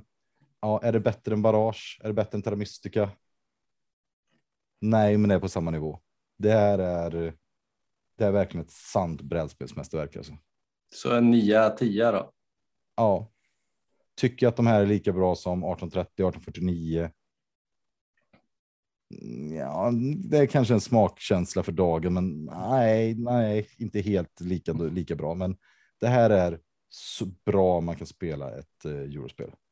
Och skulle man inte, skulle det varit träpluttar istället för de här plastbitarna och kastat iväg rymdtemat och satt på något annat tema som eh, någon setting med någon renässansmiljö eller någon kö- köpcentergrej eller någonting, då hade jag nog blivit ännu mer förälskad i spelet. För spelet ser förfärligt ut tycker jag. Om Du gillar ju verkligen inte rymd alltså. Ja, inte sån här rymd alltså. Det är pastelligt och konstiga färger och nej, jag vet inte. Okej, Måns, vad säger du? Jag, jag har ju Terra Mystica s- som en av mina få tior. Och Ja. eh, Ga- Gaia ligger fortfarande snäppet under. Jag, jag, jag inser att det finns utrymme för att växa, men jag är... Ja, Den, den åtta och en halva nia där någonstans. Jag, eh, det- jag, jag, är- jag är inte ens säker på att jag kommer att bli lika förtjust i det. Men det kan bero på att jag inte kommer att ge det lika mycket tid. Vilka skulle du rekommendera att spela grejer då? Ska Det man bara egentligen- spela efter, spela efter man spelat Terra Mystica? Nej, nej, jag tror man kan spela, eh, börja med Gaia och vara helt nöjd med det. Men eh, jag, jag tror att Gaia är eh, mindre tillgängligt egentligen. Jag tror det är svårare Mm. att sätta sig in i. Det, det, det är min känsla att Ta- Terra Mystica är lite mer rakt fram. Kanske just för att man har en fix karta. Det, det är lite tydligare vad du ska göra i varje, vad varje val går ut på. Ä- Även i början så bygger du liksom dina civilisationer och leachar och för dig varandra eller låter bli. Och Ga- Gaia så är det mycket mer du själv. Du måste, du, måste tänka längre och förutse mer vad de andra ska göra. Det, det, det är ett svårare spel tankemässigt. Jag tror att det är, jag, gissar bara om jag ser till min grupp så tror jag det är färre som går igång på Gaia Mm. lite mer tillgängligt. S- Samtidigt kanske, kanske är det ett bättre spel. Jag kan inte säga det. Intressant. Vad säger du Martin? Nej, men jag tror jag är den. Jag är alltid lite mer restriktiv än vad du är, men för vi går ju efter BGAs lista om eh, 10 är ju att eh, då kommer man alltid säga ja om någon ställer det framför dig på bordet. Det stämmer ju för mig här tror jag. Ja, Ska jag ja, men, Ja, Jag skulle inte ge den 10, men jag tycker inte man ska egentligen ge 10, men det för mig är, all, kommer alltid säga ja om någon föreslår Gaia Project. Ja, ja, ja, men jag, jag tror jag landar på en 7-8. Nej, en 8 tror jag nog. Nej, det är ett riktigt bra spel alltså. Ja, och vad är det som drar ner det för dig? Eller drar ner det? Vad är det som, vad är det som avgör att det är en 8 för dig? Eller 7? Nej, men alltså, det är ju bland de högsta poängen jag har satt. Jag, jag är nog lite mer känslostyrd. Det finns vissa dagar jag inte kommer vara sugen alls på det. Även om det är ett ofantligt bra spel. Nej, ja, men det det, jag. det, jag kommer inte vara där det här spelet är intressant för mig den dagen. Så eh, jag kanske är mer sugen på ett helt annat typ av spel. Eh, Jo, men det är jag lite ute efter. För jag, nu jag bara tänker en eh, till film igen. Vi pratar ju mest pretentiösa filmen är väl Setti på fredagsfrågan. Mm. Och nu märkte vi att Måns var hade en filmintresserad fru till exempel. Och att eh, vi diskuterade massa film och jag varit Mm. väldigt intresserad av film och bla bla bla.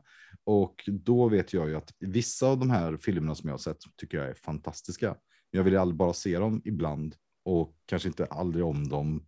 Mm. Och, och jag kanske hellre vill se någon lite mer lättillgänglig film då. Mm. Och kan- det borde ju kunna vara så med brädspel också. Att, att det, Ja. Guy Prod kanske inte passar alla kvällar. Nej, men lite så är det. Du, det du var inne på, man behöver ha orken att spela någonting i fyra eller tre timmar eller hur lång tid det nu Ja. Man behöver liksom vara där hela tiden. Det finns inte. Ja, du har ju ett andrum eller en dag Mm. där du egentligen behöver tänka om och där kan du inte heller riktigt zooma ut. Eller zooma ut är väl fel, men eh, ja, lite som vi pratade om igår, Food Chain, det, det är nog alltså ett av de bästa spelen som har gjorts. eh, Barrage kanske slår det, men alltså det är riktigt bra spel. Men du kan ju inte spela det när du är halvtrött. Nej, nej, Nej. nej, det är bara katastrof. Alltså. Mm. Ja, jag, gillar, jag gillar vad jag hör. Eh, Måns, har du något sista du skulle vilja säga om Gear Project eller Terra Mystica eller någonting överhuvudtaget om eh, brädspel, podden, Discord-kanalen, livet? Nej, jag, tycker jag, jag är jättenöjd med er, men jag tycker det är, ni gör en jävla bra podd tycker jag. Den har, f- framför allt nu när man haft så lite tid och spelar man på riktigt så har det verkligen förhöjt mina spelupplevelser under de här sju, åtta månaderna som jag hängt med. Det, det, det, jag har upptäckt så jävla mycket nytt och tänkt på nya sätt. Jag, Det, jag tycker är ni är en alltså, bra grej. det låter, alltså Måns, det går inte att ta in där. Det känns helt surrealistiskt att någon skulle säga så här faktiskt. Det, det, ja. Ja. Nej, tack så mycket.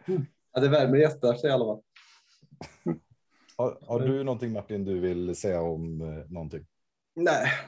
Eh, Nej, Ja, ja, jag har någonting. Hallå, vem kunde tro det?